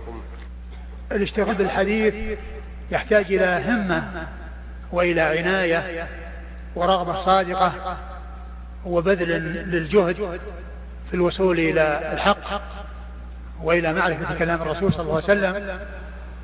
و وأهم ما يكون في ذلك أن الإنسان يتعلم على شيخ وأن يدرس على معلم. وملازمة المعلم والشيخ لا شك أن هذا هو الذي يفيد الإنسان. لأن العلم ما يحصل بمناسبات خاصة أو بأيام محدودة بل لا بد من الجد والاجتهاد. مثل ما قال يحيى بن أبي كثير لا يستطاع العلم براحة الجسم. لا يستطاع العلم براحة الجسم. وفيما يتعلق بالحديث ينبغي الإنسان أن يعنى أولا قبل كل شيء يعنى بحفظ كتاب الله. هذا أهم شيء. أهم شيء الإنسان يعنى بحفظ كتاب الله سبحانه وتعالى. ثم بعد ذلك يعنى بحفظ شيء من حديث رسول الله صلى الله عليه وسلم. وكون الإنسان يبدأ بالأربعين النووية هذه هو الذي كان يمشي عليه الناس من قديم الزمان. ونحن في الابتدائي في ذاك الوقت كنا نحفظ الأربعين النووية وكنا ندرس الأربعين النووية. ولهذا نتذكر أرقامها الآن الحديث الرابع والعشرون الخامس والعشرون الثالث والعشرون إلى آخره. من الأشياء التي حفظناها في الصغر. فكل إنسان يعني يبدأ بحفظ يعني هذه الأحاديث ثم ذلك يترقى. إذا أراد أن يحفظ بعد أن يحفظ كتاب الله عز وجل ويحفظ هذا عمدة الأحكام. لعبد الغني المقدسي رحمه الله وهي كلها حديث متفق عليها. وإذا كان عنده قدرة بعد ذلك بعض المشايخ والعلماء مشايخنا يحفظون البلوغ. وهناك يعني شيء مناسب أن يعتنى به وهو الأحاديث المتفق عليها عند البخاري ومسلم وكتاب اللؤلؤ والمرجان فيما اتفق عليه الشيخان ويشتمل على 1906 أحاديث. كلها أحاديث متفق عليها ومتون بدون أسانيد وكلها من قسم المتفق عليه الذي هو أعلى الدرجات. في الأحاديث الصحيحة بالنسبة لما رواه البخاري ومسلم وغيرهما. ويعتني الإنسان باقتناء الكتب المفيدة في الحديث مثل الكتب الستة وغيرها وتكون الإنسان له عناية. ولكن أهم شيء يستطيع الإنسان يحصل به هو الملازمة للشيوخ ومتابعة الدروس والصبر على ذلك. وبالاستمرار آه، ذهاب الأوقات في عمارتها في هذه الأعمال هذا هو الذي يجعل الإنسان يحصل. لأن العلم لا يحصل بالسهولة ويحصل باليسر. إذا نظرنا إلى مشايخنا وإلى علمائنا مثل الشيخ ابن باز بن عثيمين رحمة الله عليه بأي شيء برزوا وبأي شيء وصلوا إلى ما وصل إليه بالراحة والإخلال بالراحة أبدا. ما حصل ذلك إلا بالتعب والنصب والمشقة. نسأل الله الجميع التوفيق. بارك الله فيكم يقول هل حفظ الأحاديث بأسانيدها في زمن انقطاع الرواية مفيد لطالب العلم؟ لا شك هو مفيد لكن ما الذي يتمكن من هذا؟ ما الذي يتمكن من هذا؟ والكتب كثيرة والأحاديث يعني عديدة.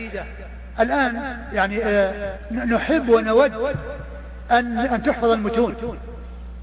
أن تحفظ المتون. ومعلوم أنه كان في الأزمان الماضية يحفظ الأسانيد والمتون ولكن هذه همم عالية.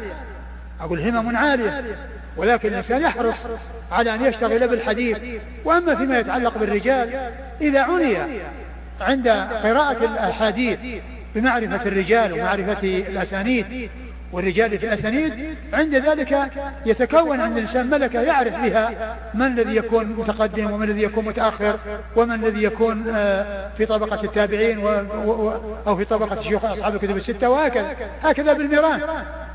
ولا يعرف الرجال عن طريق كون الإنسان يقرأ كتاب كتب الرجال. هذا ما يحصل وإنما يحصل كون الإنسان يقرأ الأسانيد وعندما يأتي لكل رجل يبحث عن ترجمته ثم عند ذلك يعرف حال الرجل. ثم يتكرر عليه بعد ذلك فمنه ما يفتقر ومنه ما يحتاج إلى أن يعرفه من جديد. أحسن الله إليكم. يقول ما هي أفضل الشروح المختصرة المناسبة لطالب العلم المبتدئ على كتاب التوحيد؟ وبارك الله فيكم. والله كتاب التوحيد يعني شروحه كثيرة والاعتني به عناية عظيمة وأهم كتاب وأشهر كتاب هو كتاب المجيد. لحفيده الشيخ عبد الرحمن بن الحسن الذي هو حفيده وتلميذه. لأنه حفيد وتلميذ لجده محمد بن عبد الوهاب رحمة الله عليه. وهو كتاب عظيم وهو المرجع. وكذلك مثل تيسير العزيز الحميد إلا أنه لم يكمل. وقد كمل من كتاب فتح المجيد. نعم. أحسن الله إليكم. ما صحة أثر ابن مسعود في آية الأنعام في أول كتاب التوحيد وما تفسيره أثابكم الله؟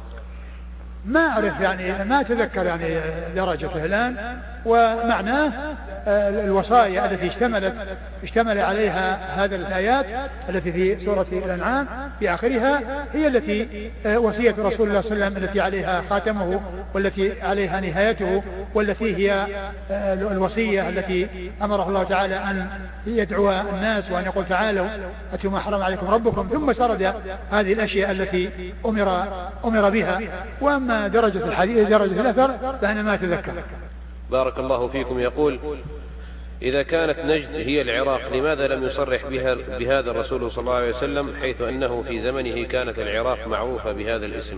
هو صرح. أنا قلت أن الشيخ الشيخ ناصر الدين الألباني خرج حديث حديث ابن عمر في آه وفي نجدنا الذي فيه اللهم بارك لنا في شامنا وفي يمننا قالوا في نجدنا قال هناك نزال والمحن خرج الحديث وبين أن طرقا متعددة له جاء فيها قالوا يا رسول الله في عراقنا. قال هناك الزلازل والمحن. فالرسول صرح بهذا. والشيخ الألباني رحمه الله قال إنما أفض في تخريج هذا الحديث وأن كثيرا من طرقه فيها تبيين نجد وأنها العراق لأن بعض الحاقدين على دعوة, على دعوة التوحيد التي قام بها الشيخ محمد في, بلاد نجد المعروفة. لأن بلاد نجد اشتهرت في هذا الزمان بهذه البلاد. وإلا فإن نجد هو مرتبع من الأرض. ولهذا الميقات الذي وقته النبي الله لنجد ليس خاصا باليمام حتى الطائف من نجد. كل هذه البلاد المرتفعة هي نجد. لأن نجد ضد الغور وضد تهامة. يقال أنجد أو أتهم وأغور إذا مشى في نجد ومشى في تهامة. فنجد قرن المنازل هو ميقات أهل الطائف. وميقات كل الجهات المرتفعة التي تأتي من جنوب ومن شرق. وليس خاصا بنجد هذه التي معروفة في هذا الزمان اشتهرت باسم نجد. لأن النجود هي الأماكن المرتفعة. بعض الناس لكونه اشتهر اسم نجد قالوا اللي هم الحاقدين على الدعوة يقولون هي هي نجد لأن ظهر منها شيخ بن عبد الوهاب رحمة الله عليه. يريدون أن يصرفوا الناس عن هذه الدعوة التي قام بها الشيخ محمد بن عبد الوهاب رحمة الله عليه. الحاصل أن الرسول صلى الله عليه وسلم قال قيل له هو في عراقنا. قال هناك الزلازل. ثم أيضا بين العلماء آه، آه، آه، الخطابي. توفي أظن سنة 388 يعني هو قال أن, أن نجد المقصود بها بادية العراق لأنها هي شرق المدينة. ومن كان في المدينة فشرقه العراق. وكان في المدينة فشرقه العراق. وكذلك ابن حجر العسقلاني وقال إنها منشأ كثير من الفتن.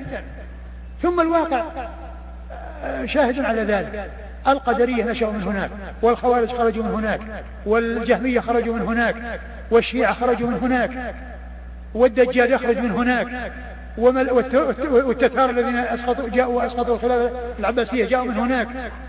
والفرس الذي هم عندهم شدة الكفر. حتى مزق ملكهم كتاب رسول الله صلى الله عليه وسلم. جاءوا من هناك. فإذا النص والواقع. كل ذلك يدل على أن العراق. لكن لا يعني أن البلد الذي فيه ذنب أنه يكون أهله كلهم مذمومون. كم من محدث وكم من فقيه خرج في تلك البلاد؟ الإمام أحمد من تلك البلاد.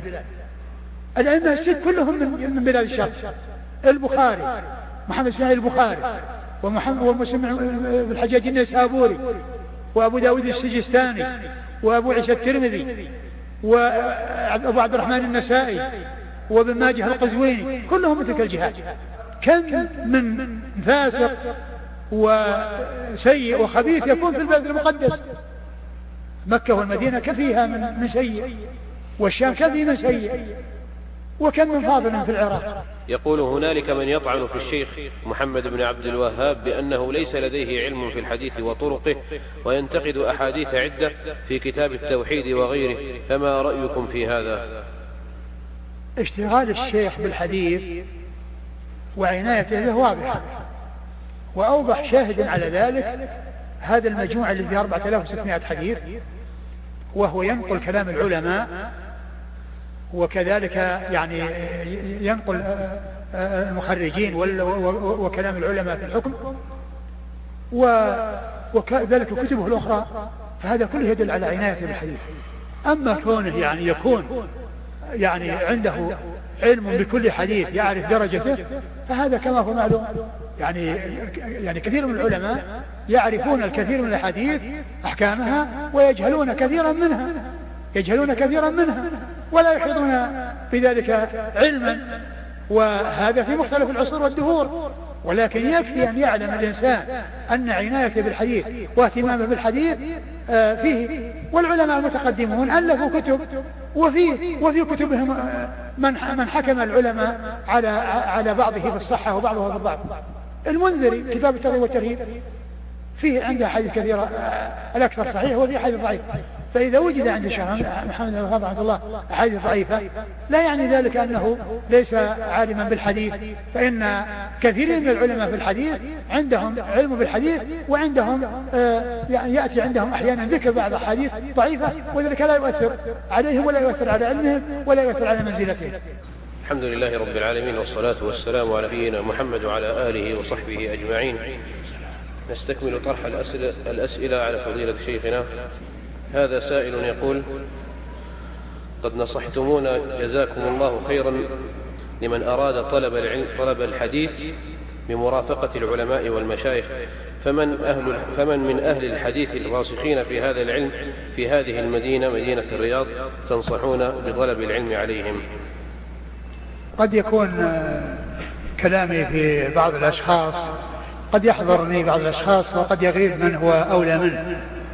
ولهذا فأنتم أعلم بالرياض مني وبمشايخ الرياض و فأنتم تستفيدون منهم وأنتم على علم بهم. وأنا ما أتذكر يعني وقد يعني يكون يعني يأتي أحد على البال وغيره لا يأتي على البال. فأنا ما أستطيع أن أحدد. يعني أحد. لكني أسمع في الإذاعة أحاديث.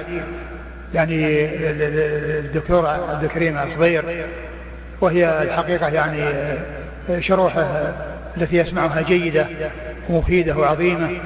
فأنا أنصح بالاستفادة منه والأخذ عنه. لأنني أسمع أحاديث في الإذاعة في بعض الأحيان. فهذا هو الذي يحضرني الآن. وأنا لست على علم كما قلت بالمشايخ في الرياض وتمييز بعضهم على بعض وأن هذا أولى وهذا كذا. ولكن هذا هو الذي يحضرني الآن. أحسن الله إليكم. يقول قابلت أحد الشباب هداهم الله مظاهره مظاهر المستقيمين ومفاد قوله أن كتب أئمة الدعوة ككتاب الدرر السنية تحمل تكفير المسلمين كتكفير أهل حائل لما طلبوا من الأتراك مساعدتهم. كيف نرد على هذا؟ وجزاكم الله خيرا. آه مثل هؤلاء عليهم أن يتعلموا أولا قبل أن يتكلم وأن يرجعوا إلى أهل العلم وأن يسألوهم يوقفوهم على الشيء ويبين لهم معناه وما يتعلق به. وأما الطعون وإظهار الطعون هكذا هذا ما يصلح ولا يستقيم. وهذه الدعوة دعوة مباركة حصل على يديها الخير الكثير وحصل بسببها النفع العظيم. وعلى الإنسان أن يتعلم. والإنسان الذي يعرف الحق يستطيع أن يصل إليه بالرجوع إلى أهل العلم وسؤاله. أحسن الله إليكم. يقول هل يوجد شروح لكم على مؤلفات إمام الدعوة؟ وإن لم يكن فبماذا تنصحون من اقتنائها؟ والله ليس لي شروح. ليس لي شروح يعني عليها. و ومعلوم أن كتب الشيخ رحمة الله عليه وخاصة كتاب التوحيد وثلاثة الأصول اعتني بها عناية عظيمة وكذلك هذا المشتري الصلاة اعتني بها عناية عظيمة. والمؤلفات يعني في ذلك كثيرة قديما وحديثا.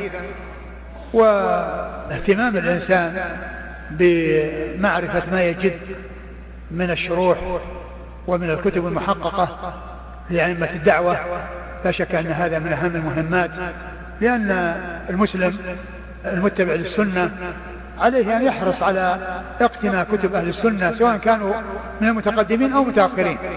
المتقدمون الذين كتبهم مبنية على الأسانيد والمتأخرون الذين كتبهم مبنية على الكلام على المسائل وذكر الأدلة من القرآن والسنة وأقوام السلف والرد على المخالفين لأهل السنة في تلك المؤلفات حيث يأتي المسألة الواحدة ويأتي بما ورد فيها من آيات وأحاديث وآثار ورد شبهات فإن الإنسان يحرص على متابعة هذه الكتب واقتنائها سواء كانت للمتقدمين أو المتأخرين.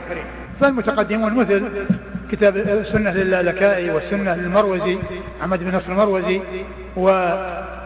وكذلك السنة لابن أبي عاصم وكتاب الإيمان لابن مندة وكتاب الإيمان العدني وغيرها من الكتب.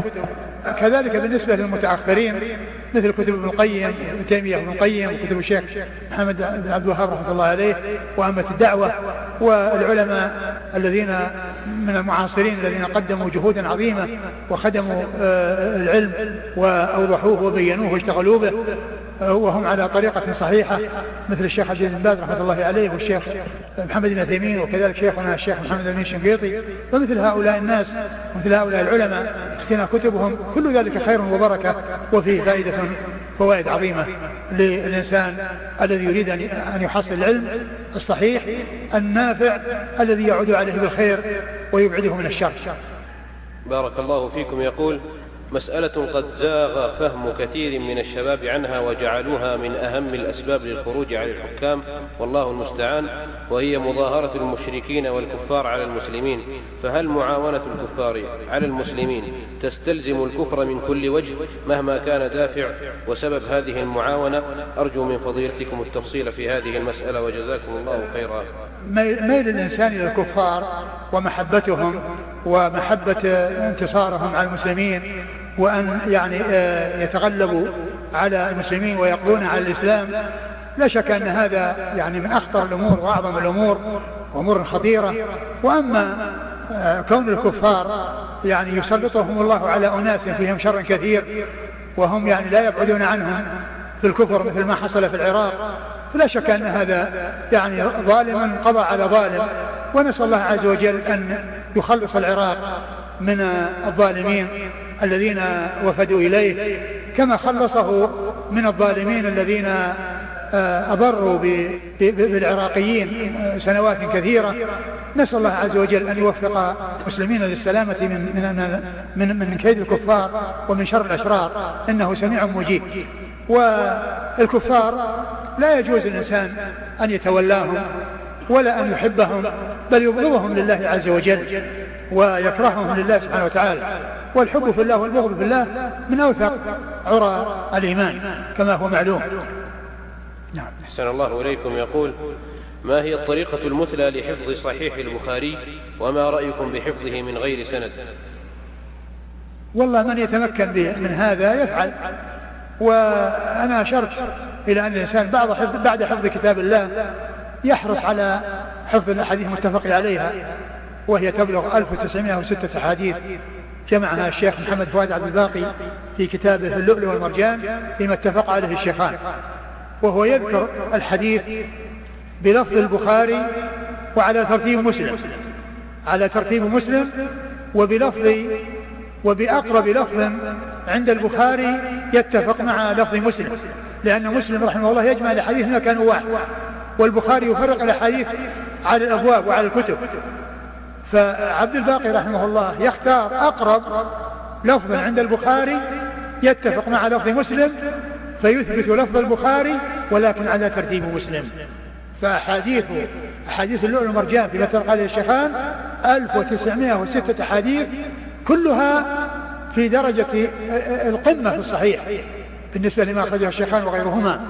فالإنسان يعني يحفظ هذا الكتاب ويعتني به وبعد ذلك ينتقل إلى ما وراءه. أحسن الله إليكم. يقول هل هناك أحاديث حسنة أو ضعيفة في صحيح البخاري كما يشيع البعض؟ أحاديث أحاديث البخاري معلوم أنه حكم أختارها وحكم بصحتها وحكم بصحتها. والعلماء المتقدمون فتشوا في هذه الأحاديث وغربلوها. ونقبوا فيها. وجمعوا ما أمكنهم أن يجمعوه من الأحاديث التي فيها كلام. ومع هذه العناية وهذا الجمع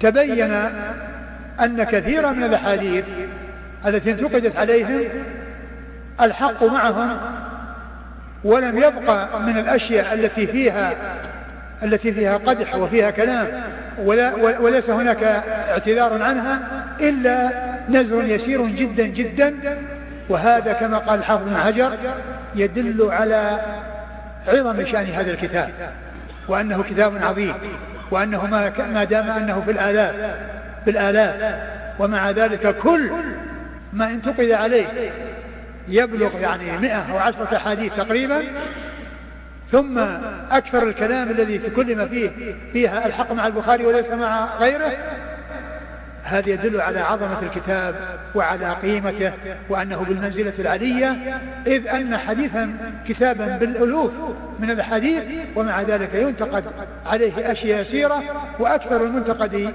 الحق مع البخاري.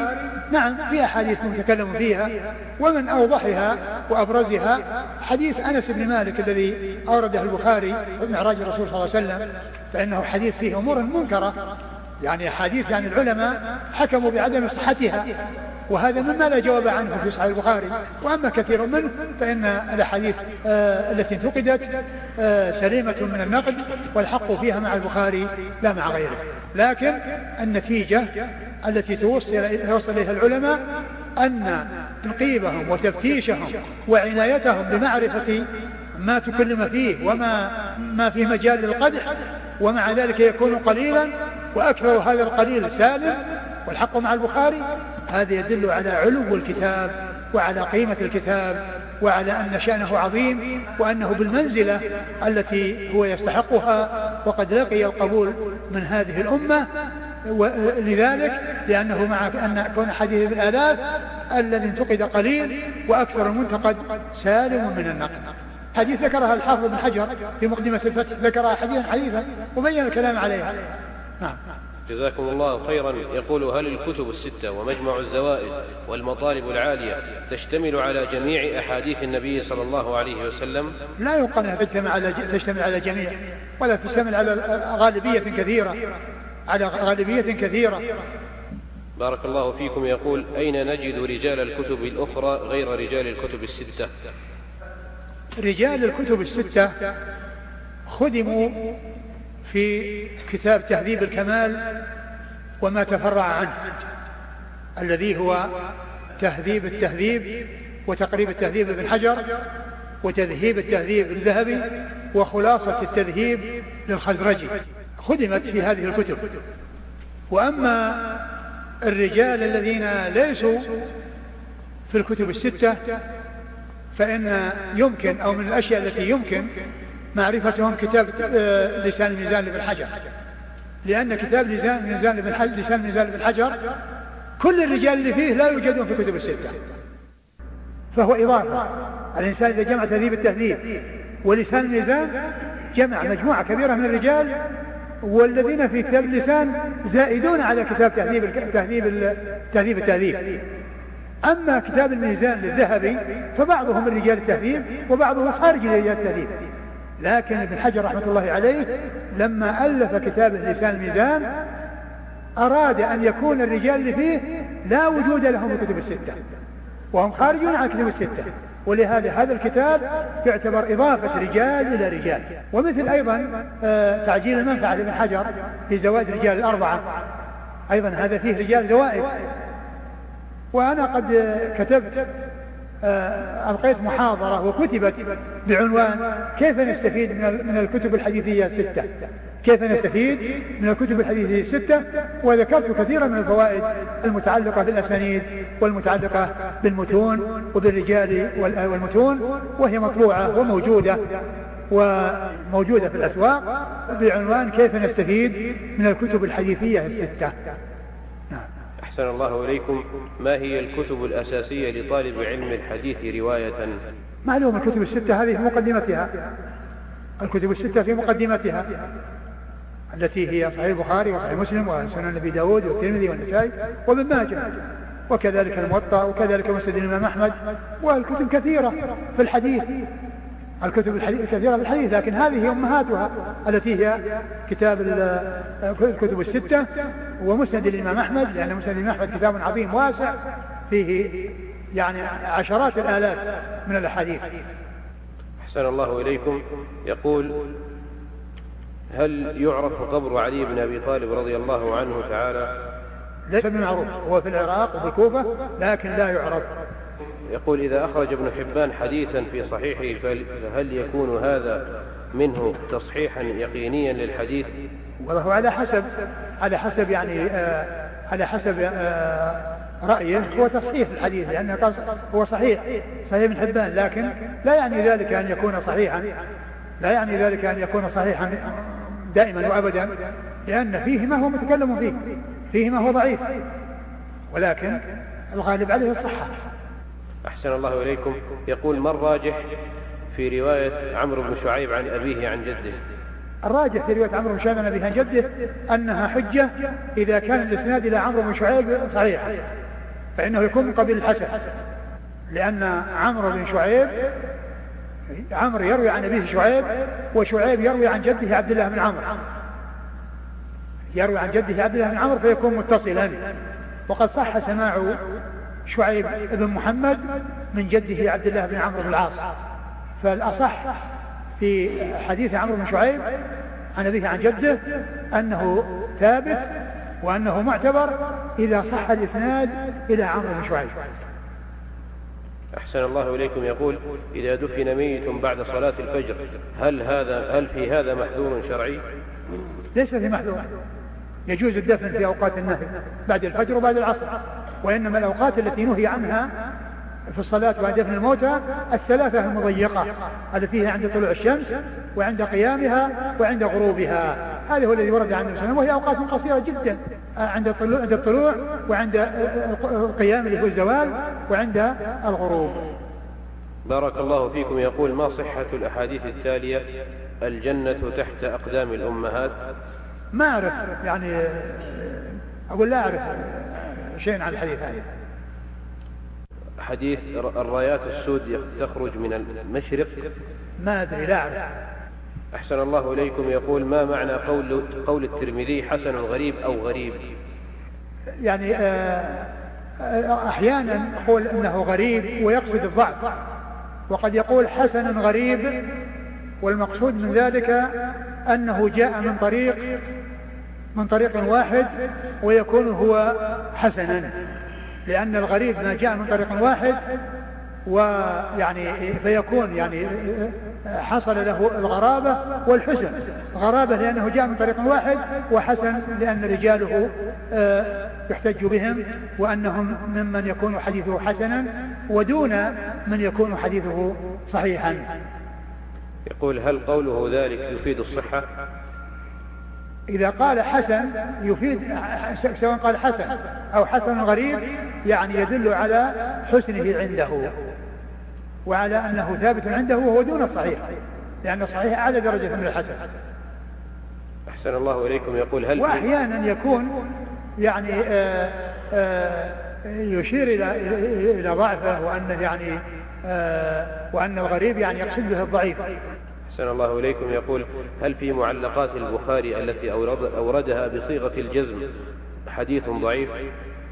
نعم الحافظ بن حجر قال إن ما جاء بصيغة الجزم يكون صحيحا إلى من علق عنه ثم النظر بعد ذلك.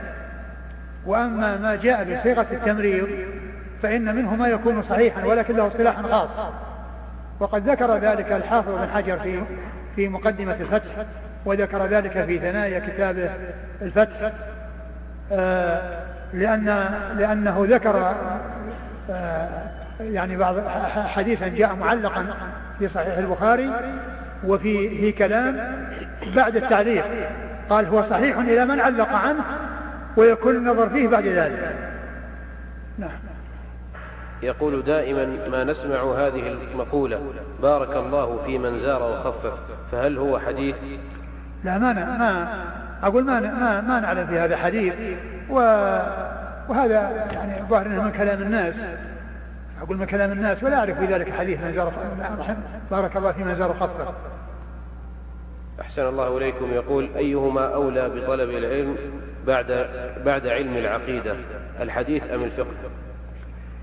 معلوم أن أن الحديث والتفسير هما الأصلان الينبوعان الذين تؤخذ منها العقيدة ويؤخذ ويؤخذ منهما كل شيء. الأساس الذي تؤخذ منه العقيدة ويؤخذ منه الفقه تؤخذ منه الأصول والفروع كتاب الله عز وجل وسنة رسوله صلى الله عليه وسلم. فيعتني الإنسان بالحديث بالتفسير والحديث والعقيدة والفقه. ومعلوم من الفقه يؤخذ من الحديث وكتاب السنة والعقيدة تؤخذ من كتاب السنة. لكن العلماء الفقهاء رحمهم الله اعتنوا في جمع مسائل الفقه والكلام عليها وحصرها وترتيبها وتنظيمها والاستدلال عليها إما من الآيات وإما من الأحاديث وإما من القياس أو من قواعد الشريعة أو من العمومات التي جاءت في الشريعة. والإنسان يحرص على أن يكون معولا على الدليل من كتاب الله وسنة رسوله صلى الله عليه وسلم سواء كان في أمور العقيدة أو في أمور الفقه الفرعية ويعتني بهذا وبهذا. يحرص على هذا ويحرص على هذا ويحرص على هذا. أحسن الله إليكم. يقول روى الإمام مالك عن يحيى بن سعيد عن سعيد بن المسيب أنه كان يقول من صلى في أرض فلا صلى عن يمينه ملك وعن شماله ملك فإذا أذن وأقام الصلاة صلى وراءه من الملائكة أمثال الجبال فما صحة هذا الأثر؟ حفظكم الله. ما أعرف لكن إذا كان إنه إذا كان موقوف على على تابعي موقوف على تابعي فهذا كما هو معلوم يعتبر مقطوع. والمتن المقطوع هو الذي ينتهي إسناده إلى صحابي أو إلى تابع أما إذا انتهى إلى رسول الله صلى الله عليه وسلم فإنه قال مرفوع. لكن إذا انتهى إلى صحابي وكان مما لا مجال للرأي فيه فإنه يعتبر له حكم الرفع. يعتبر له حكم الرفع. بارك الله فيكم. يقول ما سبب إكثار أئمة الدعوة من الردود؟ السبب في ذلك كثرة ال كثرة ال ال الذين يعني قابلوا هذه الدعوة وتكلموا فيها ولكل مقام مقال كما يقولون. لما وجد الاعتراض على الحق جاء ما يدعو إليه وهو كشف الاعتراض. ولهذا مثل كشف الشبهات وغيره من التي سمعوا فيها آه، كلام المعترضين على الدعوة وعلى الطريقة الصحيحة المستمدة من كتاب الله عز وجل وسنة رسوله صلى الله عليه وسلم وما كان عليه سلف هذه الأمة. آه، لكل مقام مقال. الباطل إذا جاء يحتاج إلى كشفه وإلى تفنيده. بارك الله فيكم. يقول كتاب مختصر فتح الباري للإمام محمد بن عبد الوهاب رحمه الله تعالى. هذا ذكر ذكر أنه من مختصراته لكن لا أعلم له وجودا. أحسن الله إليكم. يقول هل لأئمة الدعوة مؤلف مفرد في الحديث وأصول الفقه؟ كما ذكرت عن الشيخ محمد الوهاب رحمه الله كثير كثير مؤلفات الحديث هي مفردة. له كتاب فضل فضل الإسلام وله كتاب أصول الإيمان وله كتاب القرآن تعليم وتعليمه وله كتاب الحديث الأحاديث اللي في الفتن والحوادث وله المجموع. وهذه كل هذا الحديث. وهي مفردة. وهي كلها عن عن الشيخ محمد بن عبد الوهاب. جمعة التي هي مجموعة الحديث التي جمعوها وجمعوا فيها مجموعة المتون فيقال مجموعة الحديث النجدية. جمع في زمن متأخر لكن من ناحية التأليف آه الذي ذكرت آه مؤلفات الشيخ محمد بن الوهاب هذه جملة كبيرة من مما آه اعتنى فيه بحديث الرسول صلى الله عليه وسلم. أحسن الله إليكم. يقول السائل رواية عراك عن عائشة بدون واسطة. الإمام أحمد ينكرها ونجد الإمام مسلم أوردها في صحيحه فما الراجح فيها؟ لا أدري. أحسن الله إليكم. يقول بعض الدعاة يقول كنت قديما أنصح وأقول للشباب التفوا حول العلماء والآن أقول للعلماء التفوا حول الشباب فما نصيحتكم لأمثال هذا؟ آه إذا كان قصده من العلماء أنهم يعني يوجهون الشباب ويعنون بالشباب هذا كلام صحيح. وأما كون العلماء كون إذا كان المقصد شيء آخر وهي أن العلماء الشباب الطائشين الذين يحصل منهم منكرة أن العلماء لا لا ينكرون يعني منكراتهم ولا يحصل ينكرون ما يحصل منهم فهذا كلام باطل. إن أريد به أن العلماء يوجهونهم ويحرصون على حمايتهم من الزيغ ويعنون بهم فهذا كلام جيد. وإن أريد بهم أن العالم يتبع الجاهل ويوافق الجاهل على تصرفاته وعلى تسرعه وموافقته يعني على على باطله فهذا كلام باطل. أحسن الله إليكم يقول ما هي الوسيلة المثلى لضبط أسماء الرجال؟ آه ضبط أسماء الرجال يرجع فيه إلى الكتب التي تعنى بضبط أسماء الرجال مثل تحرير مثل المشتبه للذهبي وتفسير المنتبه بتحرير المشتبه لابن حجر ومثل كتاب الإكمال لابن ماكولا وهذه كتب تعنى بالمشتبهات تعنى بالمشتبهات وبيان يعني الأسماء المشتبهة. وهذا الذي يسمونه المؤتلف والمختلف. المؤتلف والمختلف يعني تتقارب الألفاظ وتتشابه فيلتبس بعضها ببعض. وقد ألفت في ذلك مؤلفات خاصة الذهبي إلى كتاب المشتبه وابن حجر له كتاب تفسير المنتبه في تحرير المشتبه وكذلك ابن ماكولا يعني له في يعني كتابه الإكمال يعني فيه كثير. وأيضا من أحسن الكتب التي تفيد في ضبط الرجال القاموس للفيروزبادي فإنه يعنى بضبط أسماء الرجال. يعنى بضبط أسماء الرجال سواء كان محدثين أو غير محدثين. فكتاب القاموس من أحسن الكتب التي يرجع إليها في ضبط أسماء الرجال. أحسن الله إليكم. يقول نريد من فضيلتكم بيان ما يتعلق بالرضاعة والمقصود بالخمس رضعات.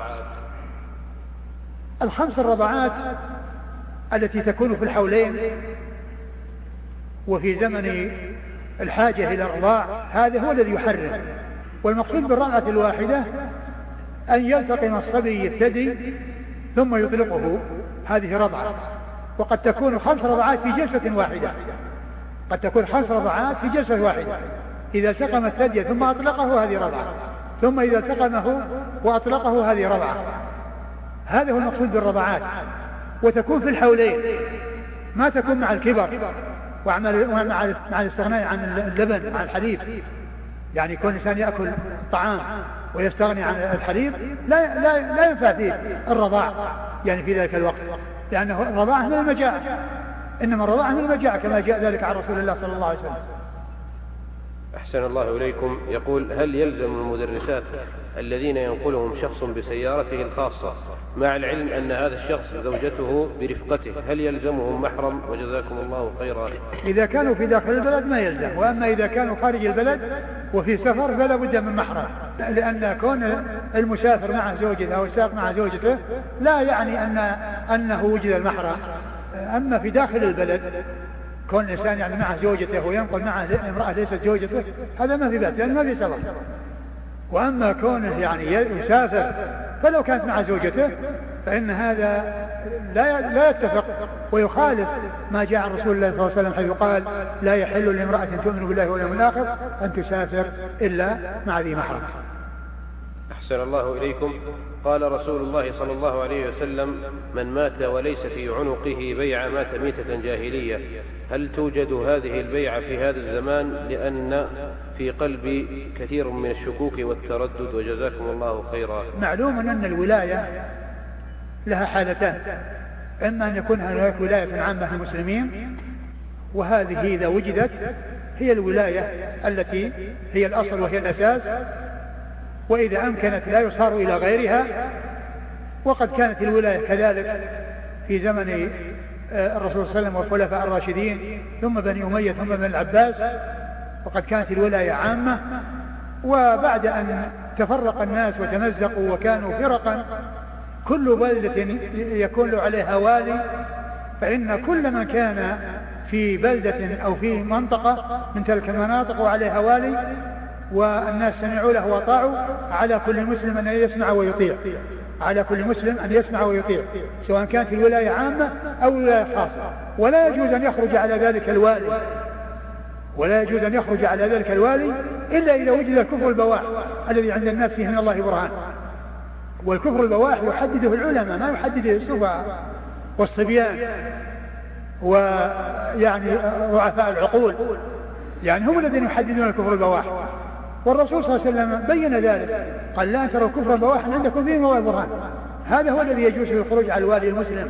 الحاصل أن إذا كان ولاية عامة المسلمين فكل مسلم مطالب بأن ينضوي تحت لواء تلك البيعة. ولا يلزم أن كل واحد يضع بيد يد الإمام أبدا.